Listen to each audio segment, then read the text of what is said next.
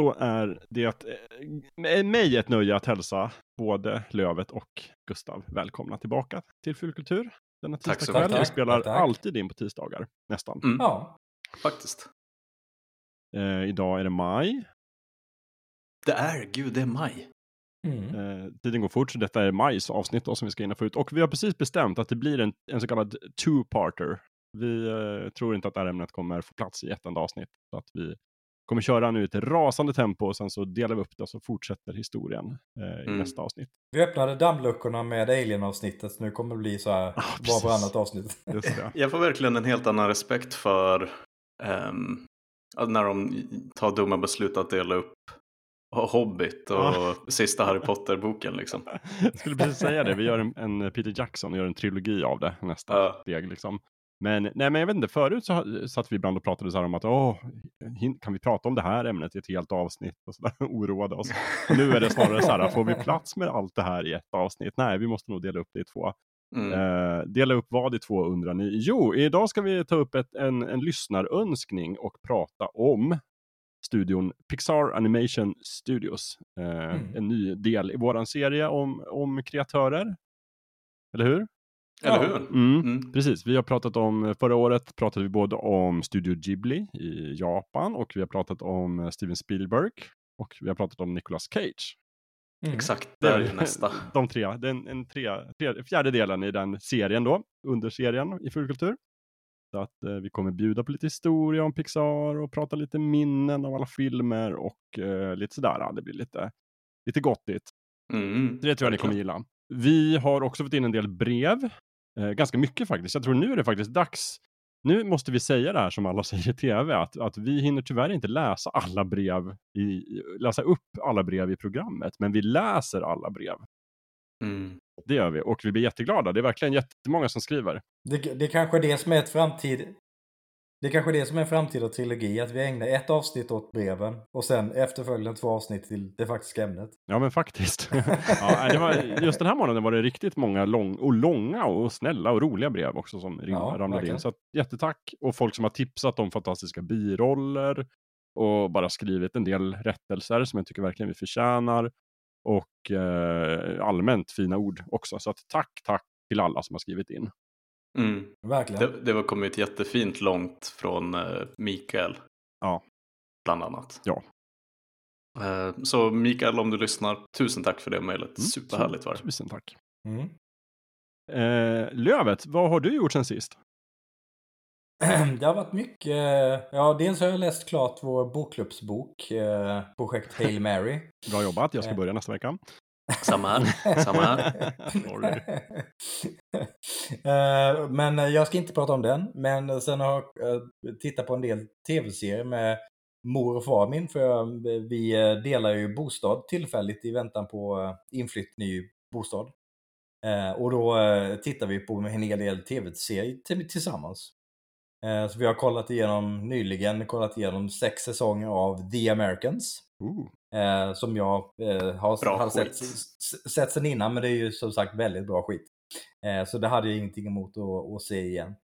Eh, och sen har jag till slut, efter många om och men, eh, hoppat på ett, eh, en prenumeration på Apple TV+. Ooh, när det började tjatas om Severance, då tänkte jag att okej, okay, men det är nu, nu har bägaren runnit över. Nu finns det tillräckligt mycket intressant och bra material för att jag ska eh, hoppa på den tjänsten. Eh, så vi har kollat igenom eh, Ted Lasso. Grattis! Två, två säsonger. Eh, jag var tvungen att se vad allt, allt eh, Habab vad handlar om. Eh, och eh, sen nästa, nästa jag hugger tag i blir nog faktiskt eh, Severance. Ja. Det, det, är nog min kopp te tror jag. Och sen Foundation efter det. Mm. Men eh, ja, och sen har jag försökt spela lite men det har inte blivit så mycket för det tv-serietittandet har upptagit det mesta av min eh, fritid när jag inte har läst. Eh, så att, eh, ja, det, det har varit mest tv faktiskt. Mycket bra, mycket bra. Mm. Ja, Gustav då? Uh, jag har tänkt se Severance. Det är så mycket snack om den serien på jobbet ja. nu. Um, men inte hunnit. Sen pratade ju du om den Jakob, uh, när vi sågs förra ja, veckan. Precis. Ja, ja. Um, IRL. Men eh, Apple TV Plus är faktiskt en av de tjänster som jag inte har just nu. för att det inte snurrar en säsong av Ted Lasso. Eh, men jag, jag, tror jag måste hoppa på den där igen för att se Severance. Det jag däremot har gjort är att jag har kollat Moon Knight på Disney Plus. Och rätt om jag har fel nu Lövet, men eftersom att den fortfarande rullar så har du inte tagit tag i det där än. Exakt. Exakt. Okej, okay. så inga spoilers förutom att Oscar Isaac är grym. Men det är han alltid. Um, det här senaste femte avsnittet, det, det är ju näst sista. Sista avsnittet kommer imorgon. Just det. Eh, från att vi spelar in. Mm. Så när det här avsnittet släpps så finns ju hela säsongen ute. Um, men, men det här femte avsnittet från förra veckan trodde jag skulle vara ganska tråkigt men jag var smågolvad där på mm. slutet. Mm. Visst var det ett sånt här riktigt milestone-avsnitt? Jag var ja, också golvad. Jag. jag tyckte det var fantastiskt. Eh, det var grymt och mycket bär Oscar Isaac på sina axlar. Mm. Um, ja, det är ett utmanande avsnitt som skådis. Vad tycker ni om serien överlag? Mm. Alltså skulle, den lider av samma problem som många MCU-projekt, att själva storyn är inte jätteupphetsande. Det är snarare Nej. karaktärerna som äh, är behållningen. Mm, för jag, när jag tittat på den och så jag känner ingenting inför Moon Knight. Och det är ju, det är ju typ Oscar Isaac, att han är med i den, det, det är det som har fått mig att ha någon form av intresse av att titta på den. Men det, det skulle jag säga räcker. Um, mm.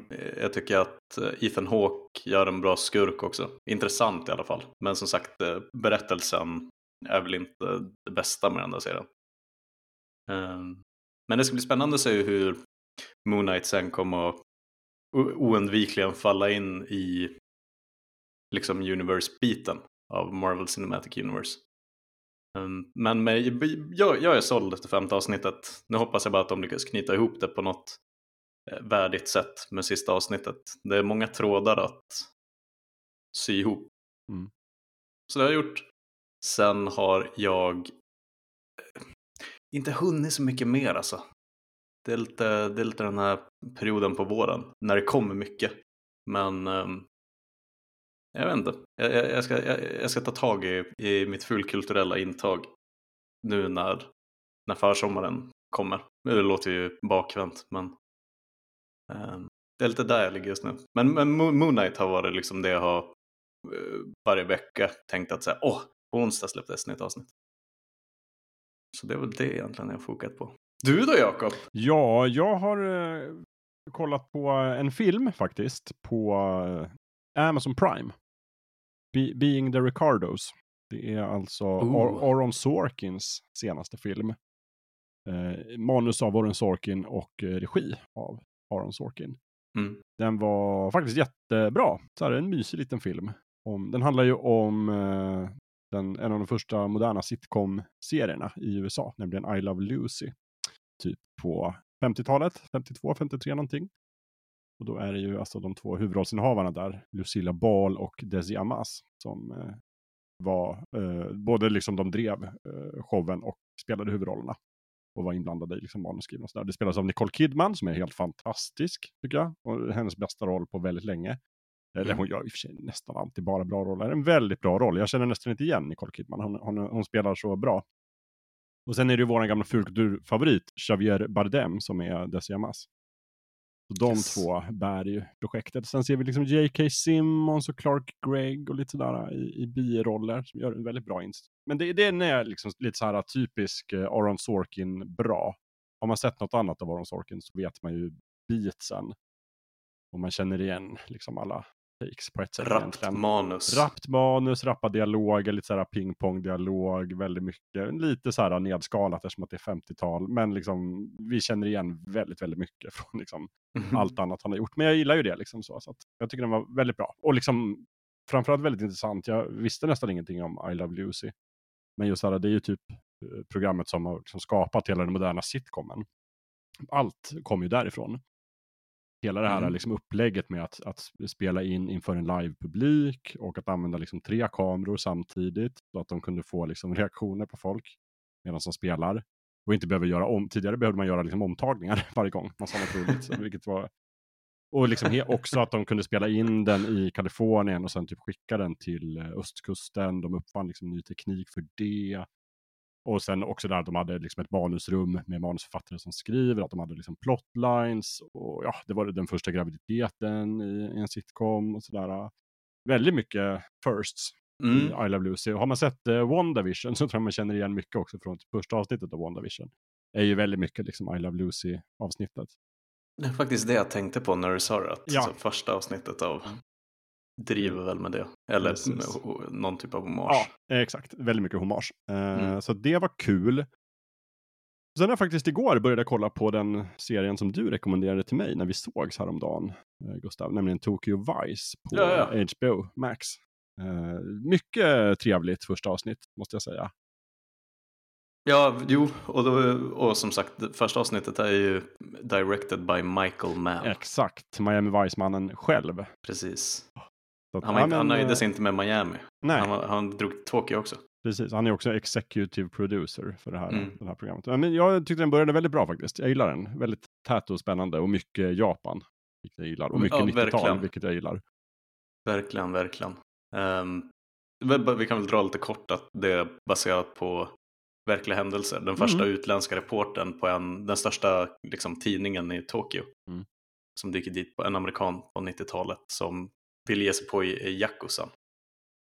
Och så får man följa honom i liksom Tokyos undervärld och på tidningsredaktionen. Så det, det är en så kallad slow burner. Men vi vet ju att det är många slow burner lovers som lyssnar på fullkultur. Och jag är en av dem som, som Du är en av dem. kultur, som gillar slow burners. Det är ju Ansel Elgort som spelar huvudrollen. Han har vi ju sett i, i Edgar Wrights film Baby Driver också. Mm. Där jag tycker att han är jättebra. Sen har han väl gjort annat också, kan jag tänka mig. Men det var det i alla fall. Nej, men jag ser fram emot att se fortsättningen. Ja, jag tror att eh, jag har sett eh, halva första säsongen. Och jag, jag tror inte allting finns heller på HBO Plus. Nej, det är en sån här veckoserie. Precis. Som, som nästan allt är nu för tiden. Men, nej, men den är mysig. Väldigt mysig sån mitt i veckan serie att bara eh, kolla på i, i, i, i sin enkla stillsamhet. Tempomässigt fick jag ju lite, lite The Wire-vibbar. Också, även om det kanske Ja. inte är riktigt samma liksom, ambition i det. Men, men lite så här så att det handlar om kriminalitet och liksom lite så här eh, mångfacetterad. Ja, men eh, jag gillar Precis. som sagt. Rekommenderas. Kriminalitet utan att vapen avfyras Ja, på något sätt. Mycket, mycket arbetet runt gräv och grejer. Uh, gud vad bra att du påminner mig. Jag hade ju lätt kunnat ta upp den. Men uh, det var fint att du gjorde det. ja men vad fint. Men sen Då- faktiskt när du sa Nicole Kidman så kom jag på att jag kommer ju att sparka mig själv om jag glömmer bort att säga att jag stack iväg på Capitol och såg The Northman Oh, förra veckan. Ehm, så, det, så det måste jag ju nämna. Jag såg The Northman med Alexander Skarsgård, Claes Bang. Tyckte att den var bra. Så det tycker jag att ni, jag säger inget mer. Intensiv film. Eh, väldigt Eggers. Okej, bra. Eh, hörni, vi ska ju säga några ord om Netflix också på tal om strömmande tjänster innan vi kastar oss in i huvudämnet. Eh, det här är liksom eh, pulled straight from the headlines som man säger. Rykande färskt. Ja, fast för en månad sedan typ när vi läste det. Men vi har inte, vi, gör ju inte nya upplagor varje morgon som, som dagstidningarna. Men eh, nyheter om Netflix. Netflix är i kris. Jag bara sammanfattar lite kort. Eh, vad var det? Förlorade 200 000 prenumeranter under första kvartalet. Mm. Och förväntas tappa ytterligare 2 miljoner under andra kvartalet.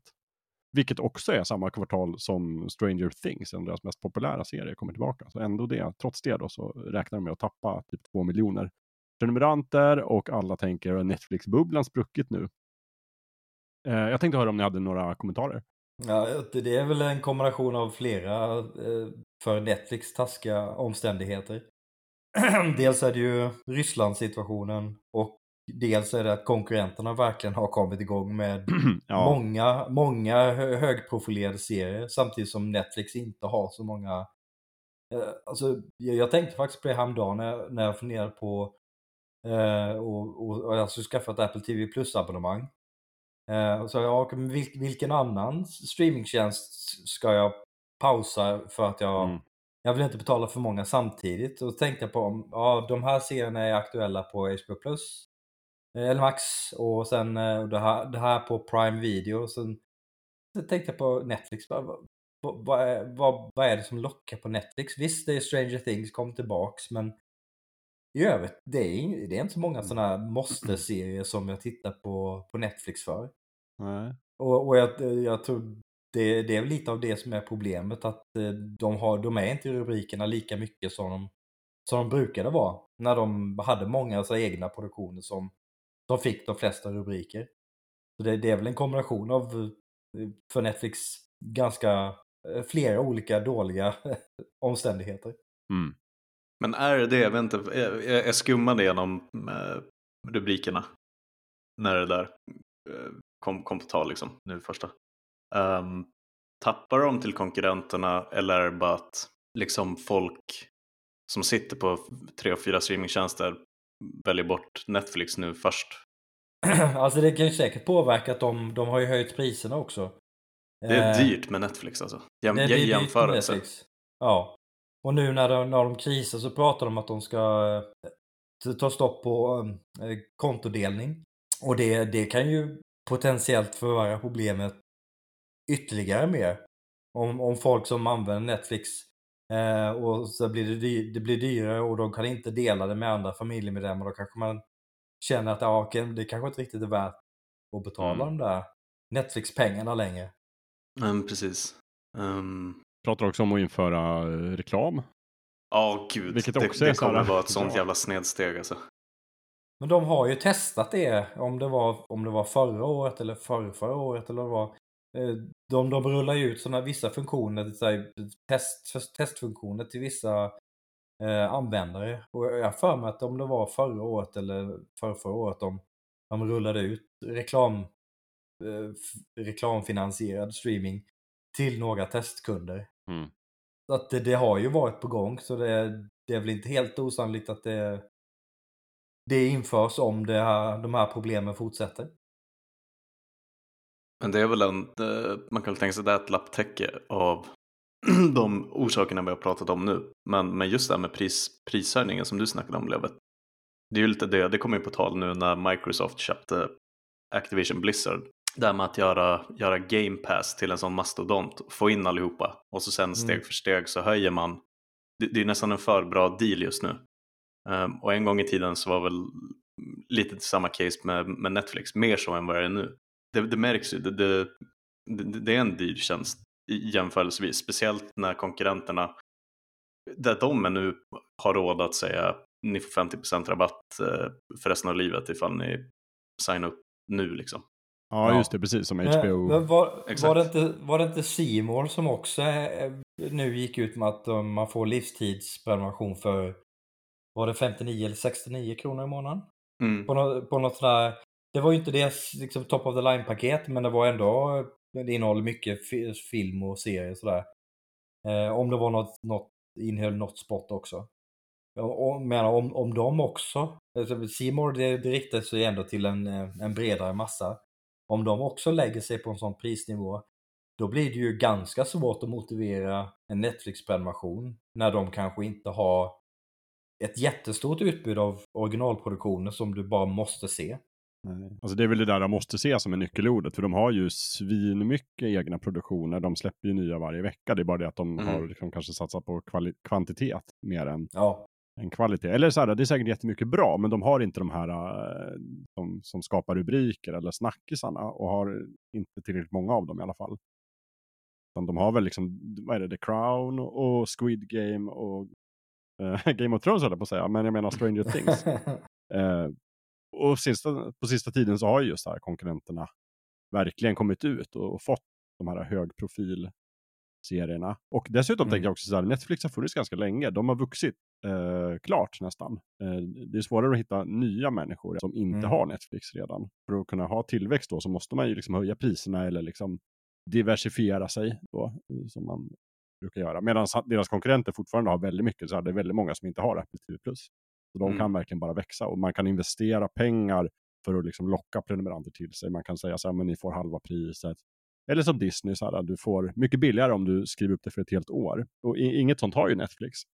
Jag, tror de, jag tror de ångrar, eller inte ångrar, men, det är ju svårt för dem att vara först och göra ett sånt beslut. Men vi har ju också erkänt att ja, nu när vi har liksom den här superhärliga dealen att vi har mm, Disney Plus eh, för en billig peng, liksom Mm. fem- 58 spänn i månaden eller vad det nu är, ehm, att då säger man inte upp det. För att man tänker att det är så billigt. Ja, Smärtgränsen precis. går, någon Mm. an, går, går liksom norr om det. Ja.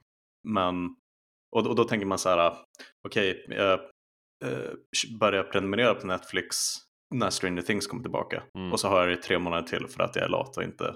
Ja. Men, men om man slår ut över en femårsperiod där man kommer tillbaka till 149 kronor i månaden Netflix Mm. kontra att vara en, en, en konstant prenumerera på en annan tjänst de Ja. här fem åren för halva pengen eller en tredjedel av pengen. Ehm, jag hade ju hellre tagit den, den kunden som alltid stannar kvar liksom, Ja. för lite mindre pengar i månaden.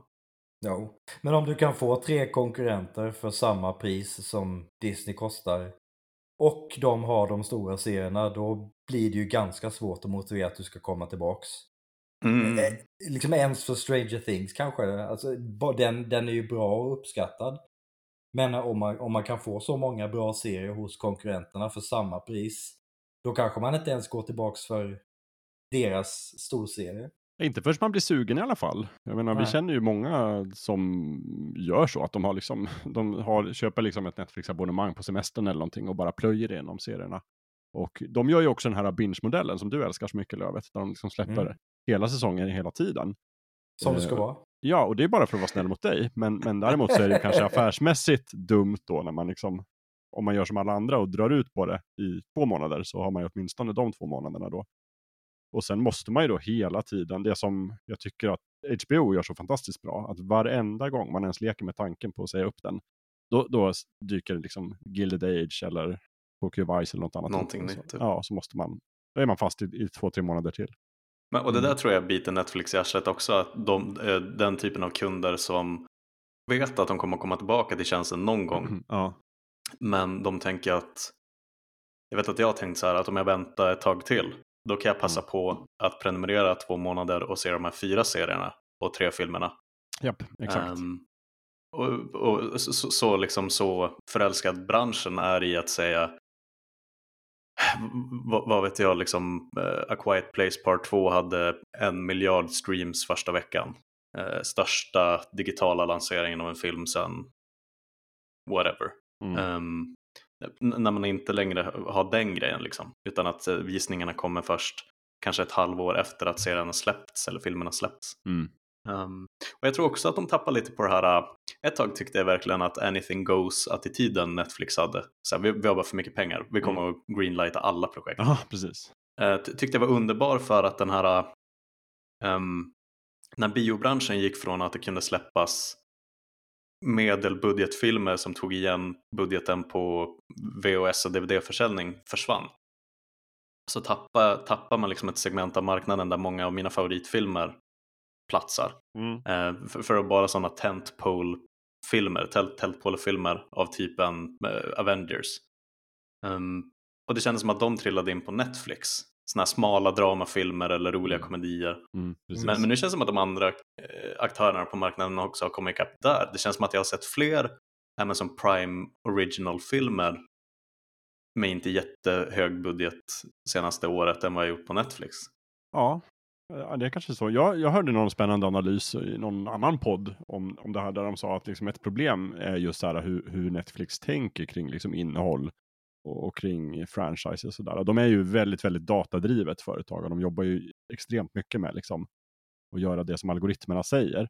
Mm. Eh, och det har ju gjort att de kanske har gjort väldigt mycket så här oväntade framgångar. Men också tänker jag, alltså, man säger ju det om Netflix att de, liksom, de lägger ju ner även populära serier efter liksom tre, fyra säsonger max. Eftersom att just det här, de blir dyrare och dyrare, skådespelarna får vill ha högre och högre betalt och sådär. Så att istället så satsar de hellre på nya, nya serier hela tiden. Eh, jag kommer ju aldrig förlåta dem till exempel för att de la ner The OA, som var kanske den bästa serien i modern tid. Eh, stängde de ner efter två säsonger. Eh, fast de var väldigt omtyckt och sådär. Nej, men de jobbar väldigt mycket liksom, med algoritmer och sådär. Medans jag tror det de verkligen skulle behöva är ju ja, men någon figur som, som Disney har då, Kevin Feige.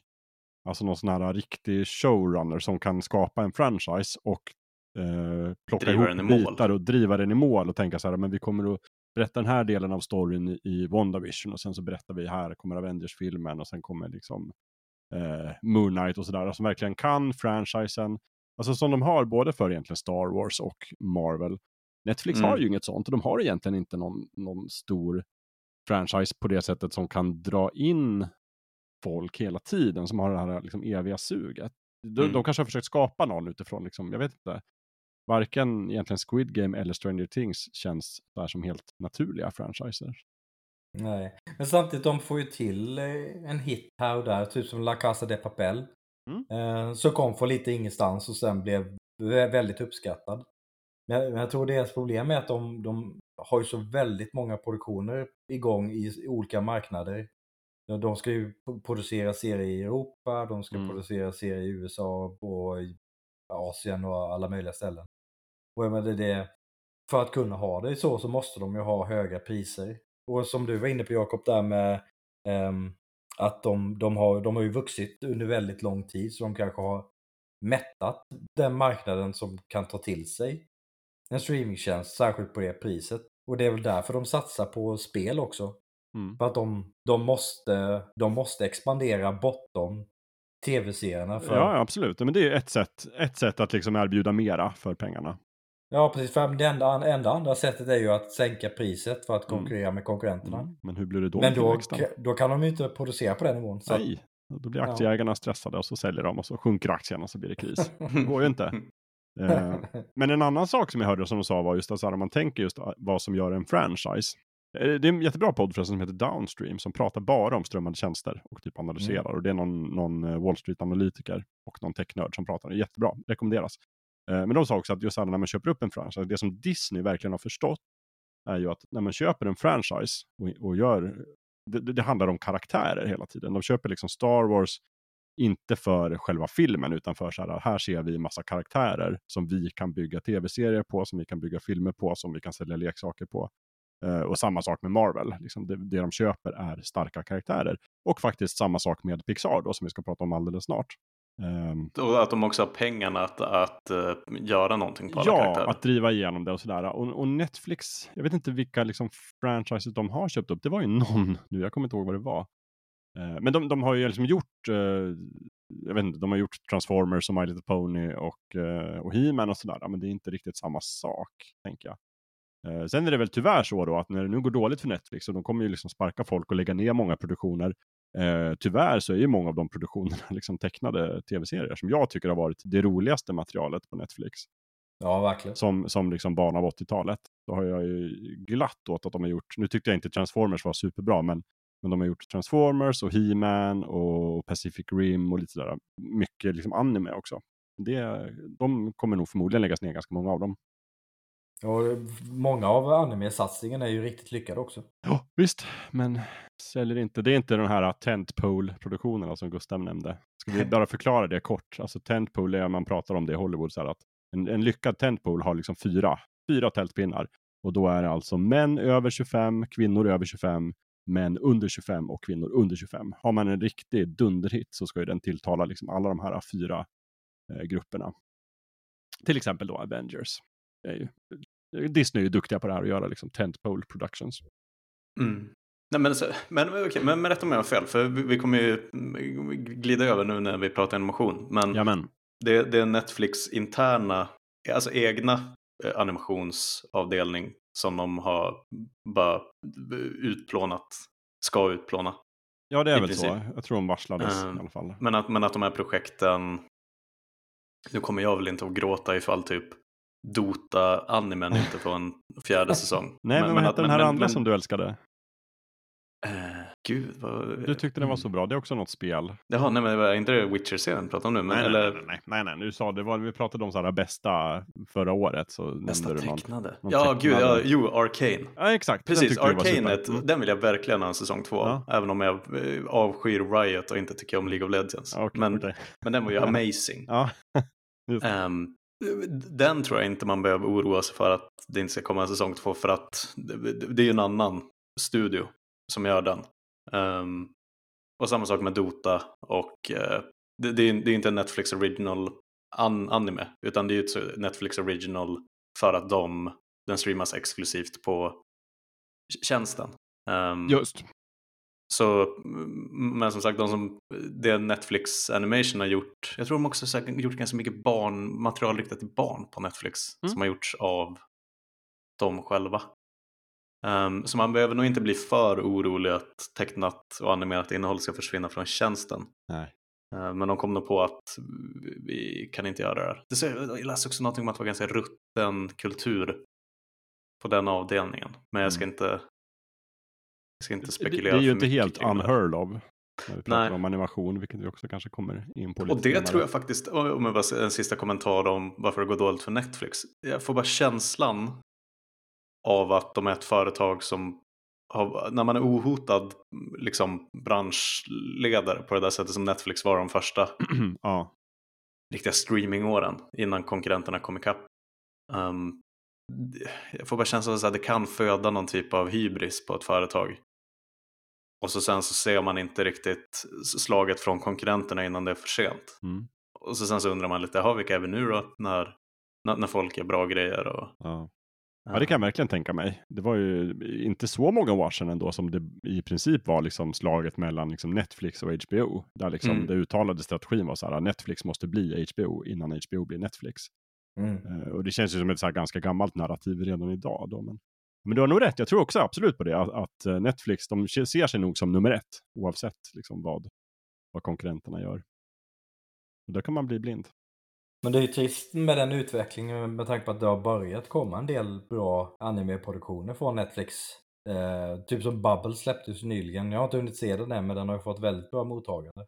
Och, och om, om det, de här problemen innebär att de produktionerna bara slutar tvärt så är det, det är ju en förlust för alla, alla oss som gillar anime. Ja, och jag blir ju personligen inte mera benägen. Nu betalar jag ju för Netflix för att mina barn tycker om att titta på Chuggington. Liksom.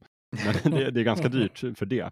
Men annars var det faktiskt ett bra tag sedan jag liksom verkligen följde en serie på Netflix. Mm. Uh, jag skulle kolla på Jungle, det glömde jag säga, jag har sett på Jungle Cruise också, men jag skulle kolla på Jungle Cruise uh, förra helgen. Jag och min ja. fru. Då tänkte mm. jag bara så här, men den är väl på Netflix, men det var den ju inte. Den är ju på Disney nej, Plus, nej, såklart. Disney. så att, där trodde jag så här, äntligen, det var länge sedan jag kollade på Netflix. Sen bara, nej, just det. Um, det, det enda jag använt Netflix den senaste månaden är att kolla igenom Seinfeld en gång till. Ja, och det är ju en annan sån här sak att liksom när konkurrenterna startar sina egna tjänster så tar ju de med sig sina egna franchises. Liksom. Mm. Alltså Star Trek finns inte på Netflix längre utan nu är ju de på Paramount. Uh, och, och Seinfeld är ju så här, det är ju en gammal, gammal klassiker, men där blir ju det blir svårare och svårare att buda hem sådana då om, om Apple och Amazon sitter och budar vid samma mm. bord och bara hivar upp miljonsedlar för miljonsedlar. Exakt. Speciellt, speciellt när de inte kan säga bara, men varför skulle, varför skulle Seinfeld vara på Paramount? Det är liksom inga användare där. Alla användare är ju på, hos Netflix. Men, men nu mm. stämmer ju inte det riktigt. Nej, nej precis. För nu är också alla användare även hos Disney Plus på HBO. Ja, och sen för, jag menar, nu vet jag inte om det är Jerry Seinfeld själv som sitter och säljer sin serie, men, men om man är honom, så här, varför bryr man sig om, så här, bara, ja men då kollar 8 miljoner på Seinfeld Precis. och på det här så kollar bara 6 miljoner på Netflix, men jag får ju ändå mer pengar. Det är också så här, hela världen känner ju till redan Seinfeld och kollar på det där den tjänsten finns, tänker jag. Det är ju mm. snarare så här en pull-faktor som man pratar om i branschen, eh, att ha Seinfeld. Ja, men eh, jag vet inte, vi får väl återkomma kanske som sagt. Det är väl dags för någon sorts renodlat eh, streamingavsnitt.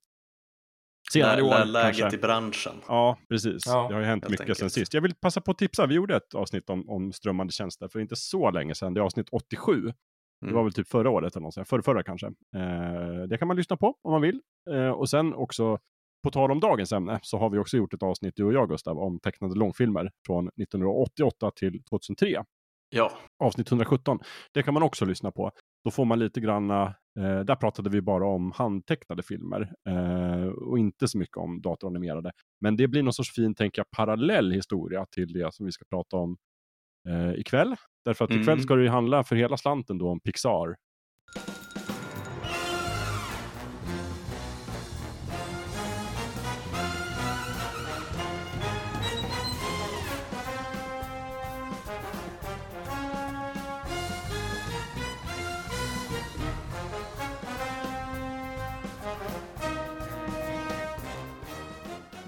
Pixar Animation Studios som den heter. Vi kommer prata mm. lite om historien, bakgrunden sådär nu. Vi kommer namedroppa Disney ganska ofta. Eh, och så ska vi gå igenom filmer också, såklart. Ja. Ja, det ska bli jättekul. Jag har ju, det här är ju som sagt ett, ett lyssnarämne, men eh, jag har ju också, jag menar, jag var ju inte sen att tacka ja. Till Nej, Pixar. gud. Pixar. Jag tänker också att det är så här, jag är nog inte ensam i att känna det, men Pixar är ju på något sätt någon sån här liksom, om, om eh, nördvärlden är ett vändiagram så ligger Pixar någonstans i mitten. Därför att det liksom plockar så mycket från det som alla gillar. Eh, det finns ju kopplingar här både till naturligtvis Disney, tecknade filmer. Det finns kopplingar till liksom Apple genom Steve Jobs. Det finns kopplingar till liksom Star Wars och Lucasfilm, George Lucas eh, och alltihopa. Så att liksom allt, hela liksom den här kaliforniska smaken av fulkultur sammanfaller någonstans i Pixar. Så Mm. Det finns ju någonting för tekniknördar också med Renderman. Jo, ja, absolut. Hela den biten, Mm. liksom allt eh, på sätt. Vi kommer komma in på allt det här också. Men jag, jag, jag vill börja som vanligt och liksom gå varvet runt och bara höra er, ta pulsen lite på er relation med, med Pixar. Där kan jag tänka mig, är, i alla fall tidiga Pixar, är din barndom, Gustav. Du får börja. Verkligen. Det- när, när jag tänker animerad film, då tänker jag på Pixar. Och det är Mm. kul att jag fortfarande gör den diskussionen. När jag säger tecknad film, då tänker jag ju exklusivt på hand, handanimerat. Och vet du, du har fått mig att börja göra den distinktionen också. Ja. När vi pratade om det så sa jag bara så här, ja men tecknade filmer, det är väl också datoranimerade? Du bara, nej. Jag bara, nej, nej det är det ju inte. Okej. Det- Så att nu, nu säger jag animerad film istället. Ja, när, man, när jag säger animerad film, då menar jag datoranimerad. Ja, just det. när jag tänker datoranimerad film, då tänker jag på Pixar. Mm. Innan jag tänker på ehm, liksom Dreamworks och eh, alla andra aktörer. Ja, Ehm, Frozen och de här precis. Disney-filmerna. Mm. Nej, men då, då, tänker jag, och då tänker jag Toy Story. Bara, alltid. Omöjligt att tänka Pixar för mig utan att tänka Toy Story. En av mina absoluta favoritfilmer. Och jag vet inte hur många gånger jag såg den när jag var liten på 90-talet. Ehm, och Pixar under 90-talet var liksom det var som ständig, när kommer nästa Pixar-film och vad ska den handla om? Ehm, så den här, eh, liksom att se fram emot en trailer. För på den tiden såg man ju trailers ehm, i början på typ VHS-filmer. Och så såg man dem när man gick på bio. japp. Vilket inte hände jätteofta. Ja, och inte på YouTube. Inte på YouTube. Nej, nej, gud nej. Um, det fanns inte. Så var den så här pirret som gick genom hela kroppen när man såg teasern till Ett småkrypsliv typ. Eller, eller när, när pappa typ berättade att ja, de gör en Toy Story 2. Och att egentligen alla de här filmerna, Pixar-filmerna som vi ska prata om som släpps på 90-talet är filmer jag går på bio med höga förväntningar i Skellefteå och älskar typ alla av dem. Mm. Och så sen så köper jag dem på VHS och kollar igenom dem 20 gånger till. Så, så 90-talets Pixar kan jag skitbra och det har verkligen blivit synonymt med animerad film för mig. Stor del, formativ del av Gurkan. Spännande, verkligen kul att höra. Vad, eh, vad säger du, Lövet? Ja, det är samma sak för mig. Eh, Det var inte en del av min ungdom. kan, kan jag inte riktigt kalla det, men... Eller, ja, gymnasiet. Du är fortfarande ung, Lövet. Ja, relativt, relativt i alla fall. Allting är relativt. Jo, men jag, jag, jag minns ju fortfarande första gången jag såg Toy Story och, och tänkte "Oj, shit vilket steg framåt det här var. Eh, det, det fanns ju animerade filmer innan dess, men det var ju ingenting i, i närheten av den, dels den, den tekniska finessen eh, i, i animationen eh, och det visuella. Och sen karaktärerna och historieberättandet, eh, musiken och atmosfären och allting. Det är ju det som kännetecknar Pixar för mig. Det är inte bara att ja, det har släppts en ny animerad film, det, det har släppts en ny Pixar-film. Det, det, det är en helt annan förväntning på det jämfört med, med andra animerade filmer. När, när Disney släpper en ny film eller Dreamworks eller vilka det nu än handlar om, det är så här, Ja, hur låter det här konceptet? Är det, låter det inte intressant? Nej, men då, då är jag inte intresserad av att titta på den. Men släpper Pixar en ny film, då är det så här, mm, det här vill jag se. Mm, Absolut. Snacka om att bygga ett brand. Oh ja, Ja, oh ja. alltså kvalitet. Det är så här, Pixar är synonymt med, med spjutspetsen av Mm. animerad film. Sen är det inte så att alla Pixar-filmer är så att AAA, topp, eh, liksom två tummar upp. Men jag går ju in i alla filmer med den förväntningen i alla fall. Mm. Ja, jag med. Det, länge trodde man ju också det, att liksom vann. Kan de göra en dålig film ens? Eh, Mm. vi, vi får väl se framöver, kanske i nästa avsnitt, om vi kan hitta några stolpskott. Men jag måste bara erkänna att, eh, alltså som vanligt, så jag, alltså, fy, jag känner mig så jävla smutsig, men jag var så himla skeptisk mot Pixar när, när Toy Story kom 95 där. Min allra liksom snobbigaste period, jag har ju pratat om den tidigare. 15-åriga Jakob, alltså väldigt svår att prisa. Uh, alltså jag har ju tidigare avsnitt förklarat min kärlek till tecknade filmer då. Mm. Som var ju verkligen en Disney-fanboy på många sätt. Uh, liksom åren med liksom, ja, Aladdin, Lejonkungen etc. Och så kommer Toy Story 3D, datoranimerad långfilm. Alltså jag fnyste. Och var liksom också 15 år och var liksom, till, till saken hör jag att man var ju för cool för att kolla på tecknad film. Mm, mm. Men det var också så här, andan på min högstadieskola är verkligen så här, gud, det här är larvigt. Av, av liksom de flesta då för att det här är för barn och, och tramsigt. Och från mig då för att det här är inte liksom handtecknat. Men, Hantver hantverket, de begår brott. ja, kan ni förstå liksom vilken störig person jag var. Men, men sen, det tog faktiskt ända fram till eh, 1999 när, när Toy Story 2 kom. Då såg jag den med två kompisar. Och blev liksom helt, alltså okej okay, nu fattar jag grejen. Det här är inte det, är inte det att det är datoranimerat, det här är det att det är fantastiska filmer. Uh, och sen uh, införskaffade jag liksom raskt Toy Story och uh, A Bugs Life på DVD. Och på den vägen, sen har jag ju sett liksom varenda eh, Pixar-rulle som kommer. Eh, I stort sett, det är fortfarande två jag inte hunnit se nu på sistone. För jag tycker att, jag vet inte om det är jag som har blivit äldre eller om de släpper filmerna för snabbt. Men jag hinner liksom inte med. Så att det är två, jag har två luckor. Jag har inte sett Coco och jag har inte sett eh, framåt. Men förutom det. Ja, men det är samma sak, jag har inte sett eh, framåt heller. Men jag tror också att det är det vi, vi har så pass mycket mer att välja. Eh, så vi har pratat om massa streamingtjänster där det finns filmer och serier upp, upp till öronen. Så eh, jag, jag tror inte det är att de, de pumpar ut filmerna så jättemycket snabbare. Det är bara att vi har så mycket annat att titta på så vi hinner inte riktigt med. Nej men så är det liksom. Uh, många, många tv-serier att titta på. Men uh, men, men helt klart, det är liksom så tyvärr då, så först liksom i efterhand som jag har förstått vil, vilken otrolig prestation Toy Story 1 var. Jag mm. håller med dig, alltså för mig så är det i princip en perfekt film.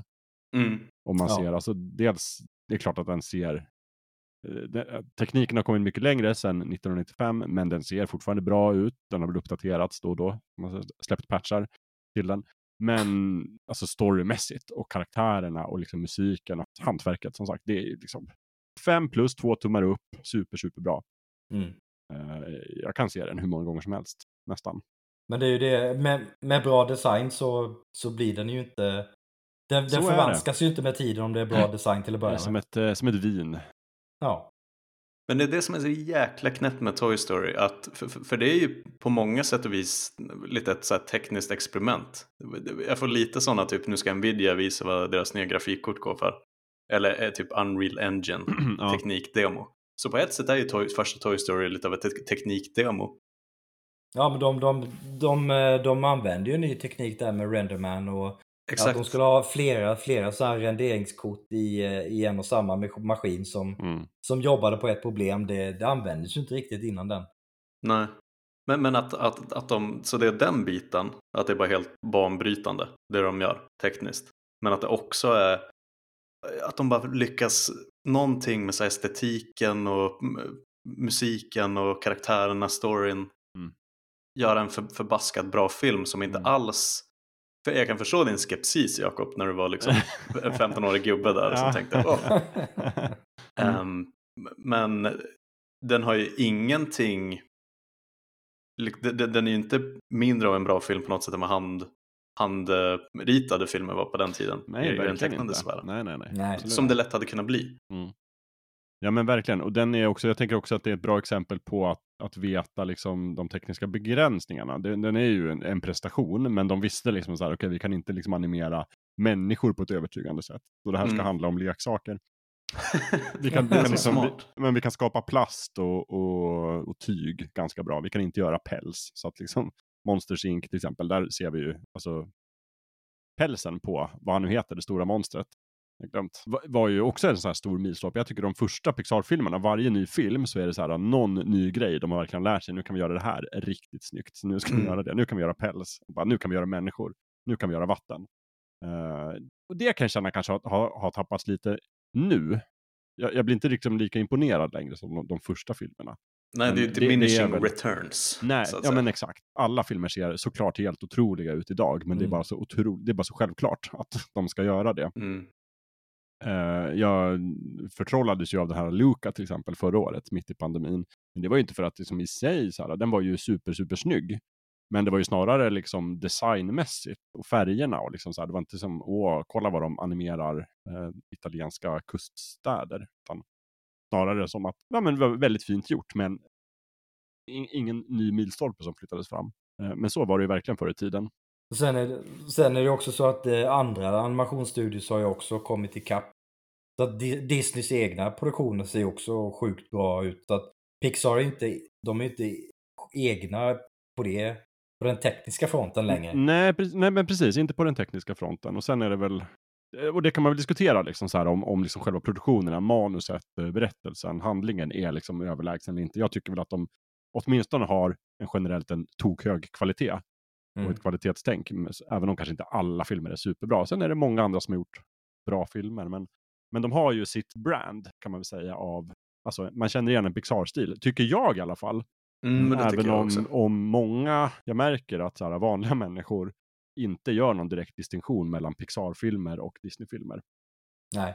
längre. Och, och jag, på sätt och vis kan jag förstå dem, därför att all, de heter liksom Disney Pixar nu, de ägs av Disney. Eh, det är på många sätt samma människor som, som leder produktionerna, men jag, Mm. jag tycker fortfarande att det finns någonting distinkt i en Pixar-film. Och, så, på samma sätt som det finns någonting speciellt Disney-aktigt i, i Disney kanske. Men det där tycker jag också märktes um, just sen när Dreamworks började visa framfötterna. Mm. Ehm, men att jag, jag tyckte alltid där de tidigare Dreamworks slog väl riktigt, riktigt stort med typ Shrek till exempel. Mm. Eh, men det, det finns också andra.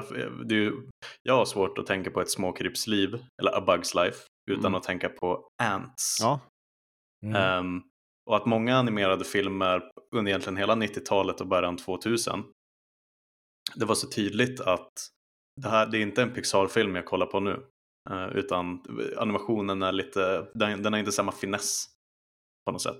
Nej, och det var också så här, jag, såg, jag kommer ihåg en, om det var en meme kan man väl säga, för några år sedan, ganska många år sedan, säg 15 år sedan, som spreds. Men bara det, var, det enda det var var att det var en screenshot på typ huvudkaraktärerna i alla Dreamworks eh, animerade långfilmer. Eh, Mm. Och alla hade exakt samma ansiktsuttryck. Var bara så här, det här är Dreamworks.